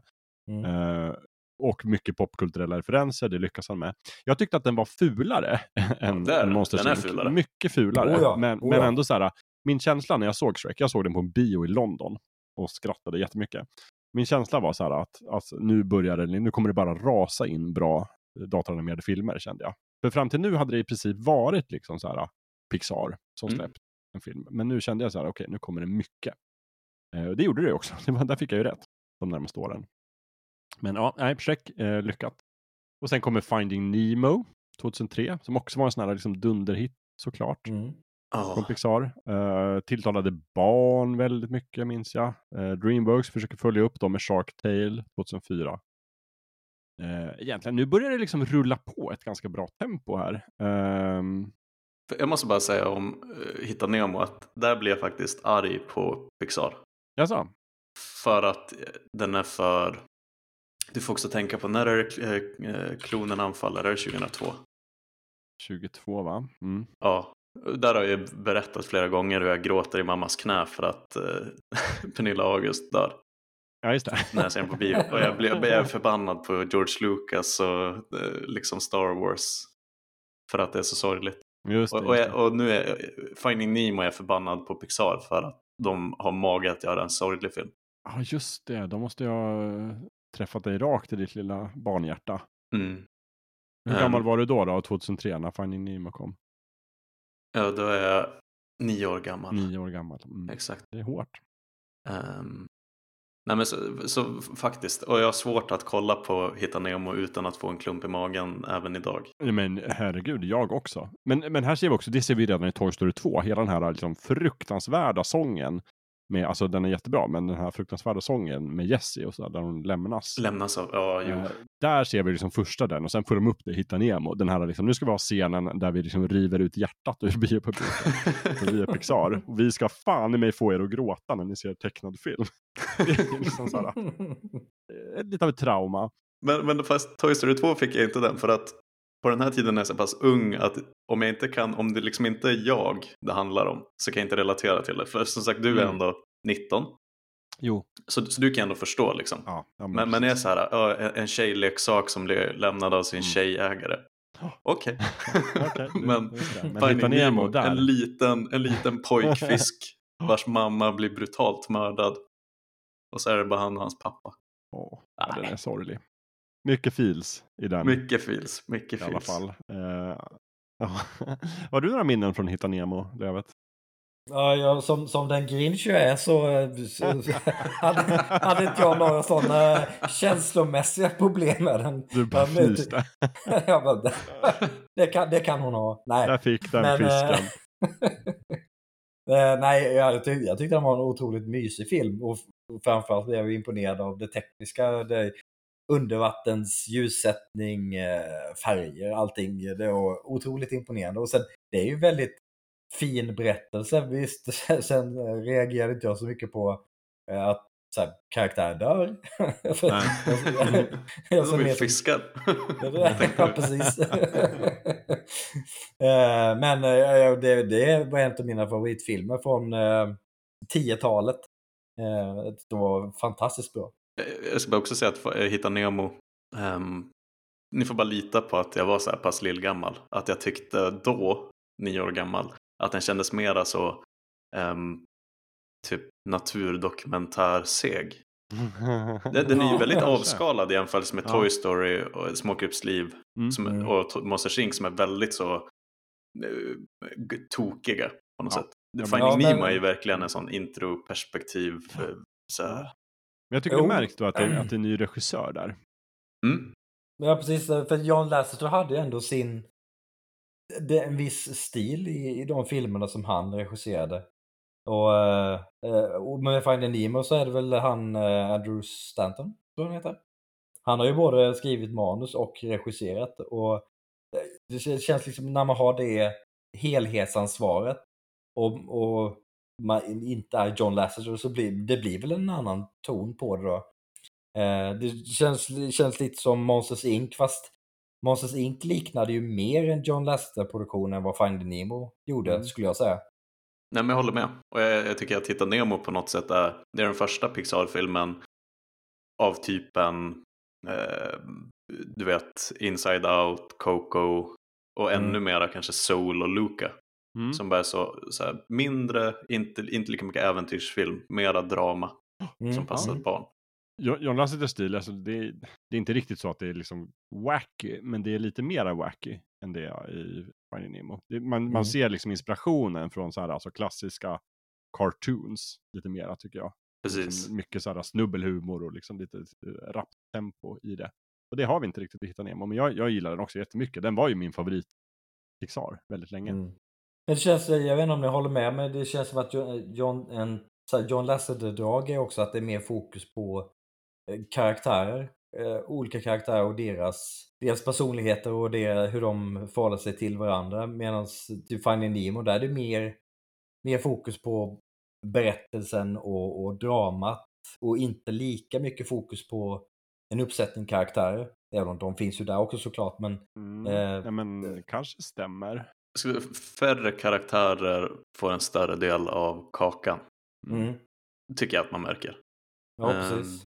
Men det känns som att eh, typ eh, som han, han John Lasseter, nästa film det är ju Cars. Och det, där tycker jag också det var samma sak. Det är flera väldigt distinkta karaktärer som får eh, mer fokus än eh, typ som Brad Bird och Andrew Stanton-filmerna. Eh, Och, och det fortsätter ju sen i, liksom, nu går vi in lite i en ny fas i, i Pixar med 2004 när The Incredibles kommer. Det är första gången de tar in en regissör utifrån. Eh, och det är första gången de gör en film som handlar om människor, även om det då är, är supermänniskor. Mm. Eh, och The Incredibles var ju också så här, 2004, ännu en film som verkligen golvade mig när jag såg den. Jag tyckte den var så bra. Jag bara... Helt otrolig film. För det var en sån, alltså, jag hade aldrig trott att man kunde göra en animerad film som var så.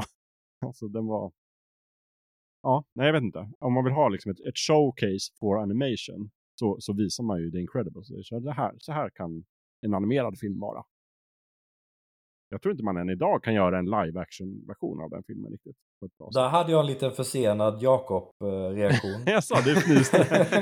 Nej, jag, jag, jag, jag, skakade på pluggar, huvudet och bara nej nej. jag, pluggar, jag, jag pluggar på universitet och var så här, ah, super, su, animerad superhjältefilm, ah, nej, nej. Nobbismen alltså, den kan göra med oss. Men sen, men sen så, hör, så hörde jag så mycket gott om det och tänkte ja, ah, okej då, jag får väl se det då.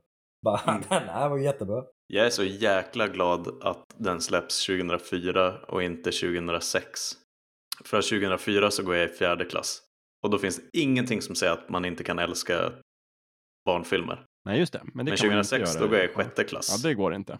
Så eh, vi kommer ju till, till Cars. Men det har en helt annan inställning till tecknad film och animerad film då. Mm. 2004 är ju bara liksom tjejer ointressant, bla bla bla ointressant. Jag vill bara gå på bio och kolla på tecknad film. Och köpa den på VHS när den, så fort den släpps liksom. Mm. Men, men det, det, kanske ännu sjukare än Toy Story 2, Jakob. Att, för, för Incredibles ska jag nämligen se på bio, precis som du. Mm. Att vi båda två blir helt golvade. Faktiskt. Eh. Det, det är nästan ännu sjukare. Mm. Jag minns, jag var på bio med den och så, alltså det var så här konstigt samling. Jag gick med typ mina kompisar och min stora syster var med. Jag tror aldrig jag varit på bio med henne. Och liksom någon till. Det var verkligen så här jättekonstig klunga av människor som alla ville gå och se den här Pixar-filmen. Mm. något sätt. Och det, var som, det var verkligen en, ett åldersspann. Och alla var bara så här, wow, det här är fantastiskt kul att man kan göra. Visste ni vem Brad Bird var på den där tiden? Nej. Nej.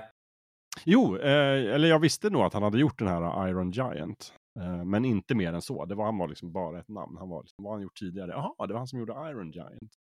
Mm. Men den, det här var ju långt innan han gjorde live action-debut med, med Mission Impossible.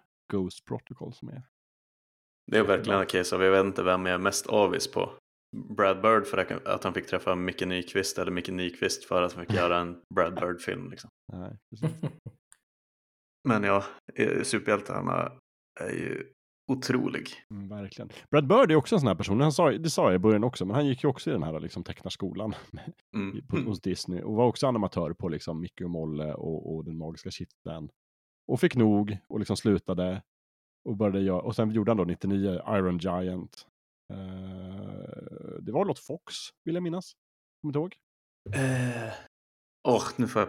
eh, det här är inget bra. Vi kollar snabbt här på Wikipedia. Eh, Warner, Warner Precis, Bros, Warner såklart. Brothers, Warner exakt. Brothers Feature Animation. Så idag ägs den väl av Disney då, antar jag. Åh, kan man se den på Disney ja, Plus tror det du? måste man kunna göra. Det är Fox. De äger Fox.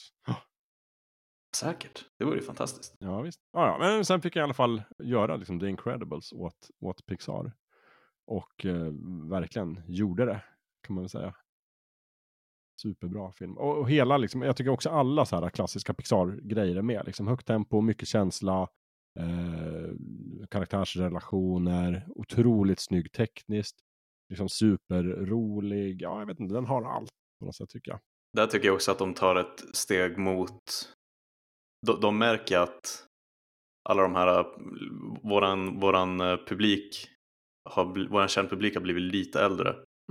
Så det, märks att de vågar sig på en lite äldre, eh, en lite mer vuxen film, tycker jag. Ja. Eh, Den, den tilltalar ju folk i högre åldrar än vad, än vad deras tidigare filmer gjorde. På något sätt. Den är lite farligare. Nej, jag, jag var helt, jag kunde inte tänka på annat säkert en månad efter att jag såg den på bio. Tyckte att den var så förbaskat bra. Jämsides med de här framgångarna då med The Incredibles så är det ju otroligt dålig stämning mellan Disney och Pixar här 2004. Eh, för nu börjar man ju ändå kunna se slutet på det här slavavtalet som, som Disney Pixar har ingått. Eh, nämligen de här fem filmerna. Jag tror att den kommer försvinna i och med nästa film då, som är Cars. Har jag för mig. Ja, nej men precis. Cars är sen, sista filmen som de sam, som, som Disney distribuerar då. Och Pixar berättar officiellt för världen att de tänker inte förnya det här avtalet. Eh, och de eh, kommer börja se sig om efter liksom, nya partners och distribuera filmer med istället. Eh, kön är lång kan jag säga. Alla räcker upp handen. Warner, eh, Fox, alla bara vi, vi kan tänka oss att distribuera era filmer. Eh, och Steve Jobs berättar också att de kommer att börja släppa filmer på sommaren istället för då oftast i november, vilket är något som Disney har bestämt. Disney har bestämt att de ska släppa filmerna i november därför att eh, de ska inte konkurrera med Disneys egna filmer på sommaren. Eh, och de ska liksom släppas inför den här liksom julsäsongen. Mm. Eh, så nu berättar Pixar vi kommer, vi kommer släppa på sommaren och konkurrera med Disney. Eh, och Disney svarar genom att bilda sin egen animationsstudio som heter Circle 7 Animation. Som bildas typ bara för att pumpa ut uppföljare på de gamla Pixar-filmerna. Eh, som de då har rätt till enligt avtalet. Det här är liksom, det här står de här två eh, giganterna 2004. Det är så Och sen kom- för 2004 är som sagt när handanimerade Disney-filmer verkligen dör. Ja, verkligen. När de släpper liksom kogänget. Eh, Och samtidigt är de så här, okej, nej, nej. ja, nej, men de fattar väl någonstans att liksom, okej, det går inte så bra för våra handtecknade. Vi ska satsa på 3D-animation. Eh, men vi behöver ju inte Pixar längre. Vi kan göra vår på egen hand. Kanske de tänker. Jag vet inte. Det är ju också mycket liksom den här Michael Eisner någonstans. Eh, 2005 så gör ju Pixar sin första, eller så gör ju Disney sin första egna datoranimerade film. Eh, Chicken Little. Lilla kycklingen. Eh, som jag tror går ganska bra, alltså intäktsmässigt. Den får väl inte någon lysande kritik och jag tycker inte att den är speciellt bra. Men den drar in väldigt mycket pengar. Jag, jag, jag kan faktiskt gissa mig till att den drar in mycket pengar för att många tror säkert att det är en till Pixar-film. Pixar-film. Ja, ja, men verkligen. Säkert. säkert. Väldigt roligt. Eh, den, den näst mest intäktsbringande animerade filmen från 2005. Pixar släpper inte en film 2005. Eh, jag tror Madagaskar eh, släpper, från Dreamworks, Mm. är den mest populära. Också en klockren film från Dreamworks. Verkligen, Mm. Väldigt lyckad. Nej, men så så ligger landet. Och sen då 2006 så kommer John Lasseter tillbaka och regisserar Cars. Vilket också är någon sån här gammal barndomsdröm han har haft att göra en film om bilar. Eh, och nu får du gärna berätta Gustav, så här, då är du lite Mm. äldre. Är, du liksom, är det nu du också gör en sån här afnyser? Jag, jag, går, i, jag går i sexan ja. eh, och jag, jag ligger väl några år före dig i gubbbitterheten. Så, så to- 12 år gamla Gustav ja. är skeptisk till bilar. För att jag är lite så här, uh, hur ska jag kunna, jag har inte haft något problem alls tydligen med att eh, knyta an till leksaker, insekter, monster, fiskar. Allt funkar. Men, Men jag tänker, bilar. hur, fa- hur fan ska jag kunna relatera till bilar? Ehm, så, så jag, är, skeptisk och, och känner inte alls samma entusiasm för Cars som jag känt för tidigare Pixar-filmer. Jag, är så här, äh, jag har någon olustig känsla av att de har fått slut på idéer. Ja. Att de bara Mm. suttit där och liksom kastat en sån du vet, tennisboll in i väggen. Dudunk. Ja, vad ska vi göra nu då? Bi- bilar. Bilar. Ja. Ah, bilar, liksom. Ehm, men sen släpps den och jag ser den hos min kompis Rasmus. Tycker att den är så jäkla bra. ja. Ehm, och jag måste ju verkligen bara så här, äh, krypa till korset och erkänna att det, de hade, att de hade rätt. För att min brorson har liksom en Blixten McQueen-brygga. Mm. Så- det var inte bara någon sån one-off att de tänkte att vi måste göra en till film, den får handla om bilar. Nej, nej, Eh, de alltså- hittar ju verkligen någonting igen. Mm. Alltså kommersiellt måste det här vara Pixars största stund nästan. Vad gäller liksom merchandise och, och, och leksaker och t-shirts och ryggsäckar och sådär. Men som sagt, det säljs ju fortfarande. Älskar ju kids bara Blixten McQueen. Mm. Man ska titta på Bergan. Oh, Bergan. Det märks ju Ja. i antalet uppföljare också. Ja, jo, men Ja. precis, verkligen, det gör det. Och de, de kommer vi till i nästa avsnitt. Men, men jag, för jag hade samma känsla lite grann så här, Cars, okej, inte så intresserad, inte så imponerad, eh, verkar vara mer för barn. Och såg den och tyckte den var ändå objektivt sett superbra. Men ja, nej, det är verkligen så här den, egentligen kan på ett sätt kan man säga att det är den sista liksom Pixar-filmen i den klassiska Pixar-storyn, så att säga. För sen 2007 då, då är det ju den stora affären händer. Alltså Michael Eisner slutar som vd på Disney, går vidare. Bob Iger går in som vd och ser saker på ett kanske lite annorlunda sätt. Typ, det första han gör är att ringa Steve Jobs och säger vi borde snacka. Eh, de snackar, de blir kompisar. Eh, de hamrar fram en, det här tar några år, men liksom just 2007 är den klar. Liksom, så här. De hamrar fram ett avtal. Eh, Disney köper hela jävla Pixar-studion för 7,4 miljarder dollar. Aktier byter ägare. Steve Jobs blir Disneys största enskilda aktieägare och tar plats i styrelsen. Det tror jag få vet om. Ja, det är precis, att han blev så otroligt stort höns. Alltså inom- för inom 2007 Disney. släpps ju iPhone liksom. Ja. Mm. Ja, men Mm. precis. Då går han också in. Snacka om att vara liksom on top of the world på ett Ja. sätt. ja. Och, va? och, och, och, John- och även så här, liksom rent kreativt, så här, gänget på Pixar går in och blir liksom gänget på Disney. Vilket också är superintressant. Alltså John Lasseter blir Chief Creative Officer på Disney Animation Studios. Och på Pixar. Så att han rapporterar direkt till Bob Iger. Han får makten över liksom alla Disneys tecknade filmer eh, och produktioner. Och eh, Ed Catmull då, han blir president, president över både Pixar och Disney Animation Studios. Så att de tar liksom makten på, det är liksom, visst, Disney köper Pixar, men Pixar kliver in och tar liksom den Mhm. kreativa makten på Disney. Det tycker jag är superspännande. Ja, det, är, så det är verkligen motsatsen om man tänker att en sån, ett uppköp Ja. ska gå till. Eh, Exakt, det är inte som när Amazon köper saker och förstör dem, utan det är som, Eller, eller Eh. dagens Disney liksom, eller Ja, nej, men- du nej, vet, men exakt. Microsoft typ.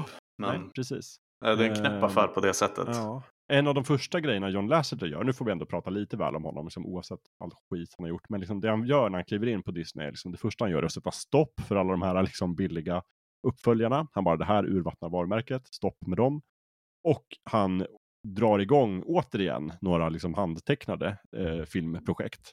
Bland annat då, eh, vad heter den? Prinsessan, Prinsessan och grodan, som kommer 2009. Jättebra film. Jättebra film. Eh, gick bra. Eh, förtjänar ännu mer tycker jag. Och sen faktiskt också efter den, 2011, så kom ju Nalle Puh-film som också är så här traditionellt tecknad. Eh, sen blev det tyvärr inte fler, men, men han hade ändå någon ambition om att så här, men vi ska ändå göra så här en, en traditionell tecknad film typ vartannat år. Sådär. Mm. Eh, det tycker jag ändå hedrar honom och det är, det, det är fint, för då hade de ändå så här, den tiden på Disney innan affären, de hade ändå liksom, de hade gjort sig av med alla, hela det här kappsystemet, de hade slängt ut liksom animationsbord och liksom eh, produktionsutrustning, avskedat tecknarna och animatörerna, de bara sa nej, nej, nej, ni är Mm. så ute. Det är datoranimation som gäller. Mm. Eh, och sen då när de kommer tillbaka så får de liksom starta upp allt igen och liksom återhyra många av de här animatörerna. Eh, för att jobba med Prinsessan och Grodan. Ja, Eh, för, där, där måste jag nämna att det är någonstans här och, och det märks i avsnittet när vi pratar om tecknad film Jakob. att, ehm, för 2006 Cars som sagt, Mm. men även på andra sidan häcken av, eh, av Dreamworks. Och för fram till Incredibles så har jag ändå tänkt att även om Kogänget inte är en toppenfilm så har jag ändå tänkt att datoranimerade filmer och tecknade filmer kommer liksom pö om pö. Ja. Men 2006 så går det upp för mig att så här, allt är datoranimerat. Mm. Så, Ja. så där, där ruttnar jag. Jag tror också därför jag inte var så taggad på Cars. För att jag känner Mm. bara att priset, priset jag får betala är att jag inte längre får tecknade filmer. ja. Eh, Nej, men jag håller med, jag hade samma känsla. Jag var så här väldigt kluven. För på ena sidan så är det bara, jag älskade liksom datoranimerad film. Samtidigt började jag där se någonstans här, okej men nu verkar det något, något, något, någon sorts peak, så här, tekniskt sett. Det kommer Mm. väldigt många datoranimerade filmer. De är inte så här, de här stora hoppen sker inte längre. Och Nej. samtidigt då som så här, priset vi får betala verkar vara att de, de till och med går ut och säger så här, vi ska inte göra fler handtecknade filmer. Mm. Det är över. Det var en liten, liten mörk tid för då. Mm. Men det märks ju, för som du säger, att, att det är nästan att Pixar blir Disney fast det är Disney som köper Pixar. Mm. För, för från och med 2007, det kommer jag komma in på i avsnitt två, Disney är ju liksom, deras kult, kulturella output är ju Pixar.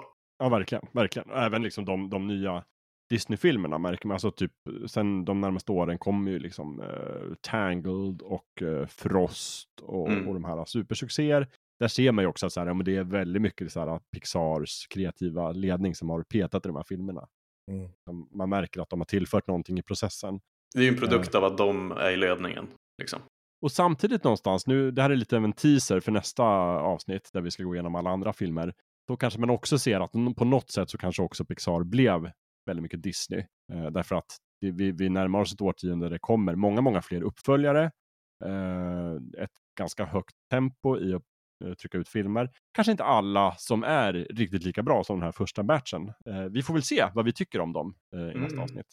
Men eh, det är eh, ett antal filmer kvar vi har på det.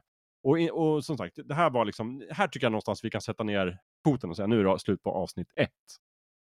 Det är väl en ganska bra ställe att, att sluta på. Där Ja, men det Disney tycker har jag. öppnat Ja. eh, portföljen med dollar, miljarder dollarsedlarna och hivat ut 7,4 miljarder dollar. Det är fortfarande mycket pengar. Vad kostade Lucasfilm till exempel när de köpte Star Wars? Det var 4, Ja, det var inte lika mycket. nej. Nej. Och vad, vad kostade Twitter? De köpte? Ja, 40, 44, 54. Ja. Och 44, det, ja. det är mycket pengar. Jag, jag hade ju hellre köpt Pixar, måste jag säga. Väl, men, fast men allt sånt där är bara ogiltigt förklarat. För vad, vad kostar det sjunkande skeppet Activision Blizzard? Typ Nej, vad, jag vet inte vad det kostar. 70 miljarder Just det, dollar. det var ju så ofantligt mycket pengar. Helt sinnessjukt. Det finns ingen rim och reson. Nej. Ja, ja, mycket pengar i alla fall. Eh, men, men här drar vi ner ridån för, för berättelsen om Pixar och sen så drar vi upp den igen eh, inom kort. Vi ska försöka hinna spela in ett till avsnitt eh, ganska snart och Mm. få ut det i eten. Då kommer vi Mm. prata om eh, filmer som Ratatouille, Wall-E och Upp och nya Toy Story-filmer och Insidan ut och eh, kanske lite om den kommande Lightyear också. Precis, alltså hela vägen fram till Turning Red. Som jag ska hinna Jajamän. se nu inom en vecka. Just för det, den är men faktiskt perfekt. inte... Då hinner du, och då hinner jag kanske också se Coco. Det gör du. Ja, Det och jag hittar, hinner se Onward. Det blir jättebra Ja, där vi ju. hinner se alla filmer. Fantastiskt. Ja. Jag kommer Bra. inte att se Bilar 3 dock. Jag har lovat mig själv att aldrig se den. Vet du, den är mycket... Har du sett Bilar 2? Ja. Var det, det som, var det då du tänkte att jag ska inte se Bilar 3? Nej, för visst är Bilar 3 de blir typ International Men of Mystery. Cars Nej, of Mystery. nej, nej, det är ju tvåan. Som Det är, typ är det tvåan? Agent, Jaha, åh gud. film med bärgaren. Nej, nej, det är tvåan jag inte har sett. Ja. Trean, ja. Trean tycker jag är faktiskt superbra. Mm. tvåan är ett riktigt stolpskott.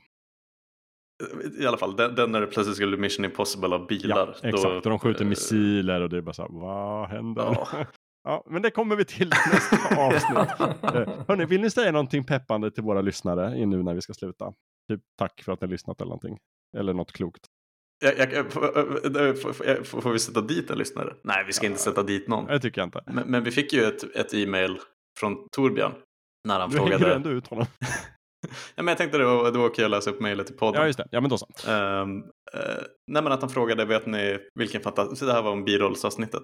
Just När han, vill, det. när han frågade om vi visste vem som har blivit dödad av en Xenomorph, Predator och Terminator. Just det, precis. Och vi läste det och så tänkte vi, tog inte vi upp det? Och jag tror vi gjorde det faktiskt. Det gjorde vi. Jag tror, jag är rätt säker på att vi gör det. Nu kan det vara att jag, att jag sätter dit mig Ja. oss. Tänk om det var en, en liten del, vi klipper ju nästan inte så mycket, men tänk om det var en del som hamnade på, på liksom Ja, men det kanske det var. golvet i klipprummet. Tänk om vi klippte bort det. Men vi pratade i alla fall om det, jag är nästan säker på att det var är med nästan i säker. avsnittet. Mm. Vi pratade om det i alla fall. Tåls att sägas igen. Paxton. Bill Paxton. It's over man. Precis. Ja. För jag blandade ju ihop honom med Bill Pullman, gjorde jag väl? du var två Bill. Bill båda två. Eller Tent. Ja, ja, men det tåls att helst. sägas- sägas igen Ja. och det hedrar eh, Tobbe att han har koll på det där också. Jajamän. Mm, verkligen. Absolut. Ja, kul. Det är, det är en merit också. Som sagt. Ja. Eh, ja, men det var väl bra. Hörni, det var kul att prata med er i dryga två timmar. Om Fantastiskt Pixar. Som Eh, alltid. Det var som vi trodde. Pixar rymdes inte i ett avsnitt, utan vi ska köra ett till. Mm. Det är väl det. Ska vi säga tack och godnatt? Det gör vi. jag. Och sen ses snart igen. Hörs snart igen. Snart på återhörande och så brukar vi säga puss och kram. Ja, Yes. Puss och kram. Yes. Okej, ha det bra. Ni Ha det också. bra. Hej hej. Ha det. Hej. hej. hej.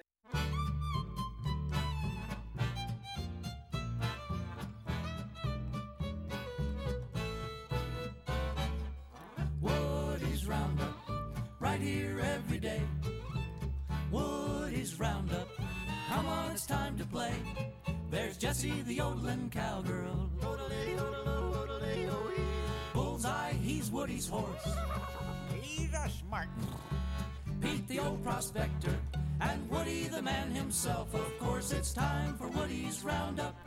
He's the very best. He's the rootinest, tootinest cowboy in the Wild Wild West.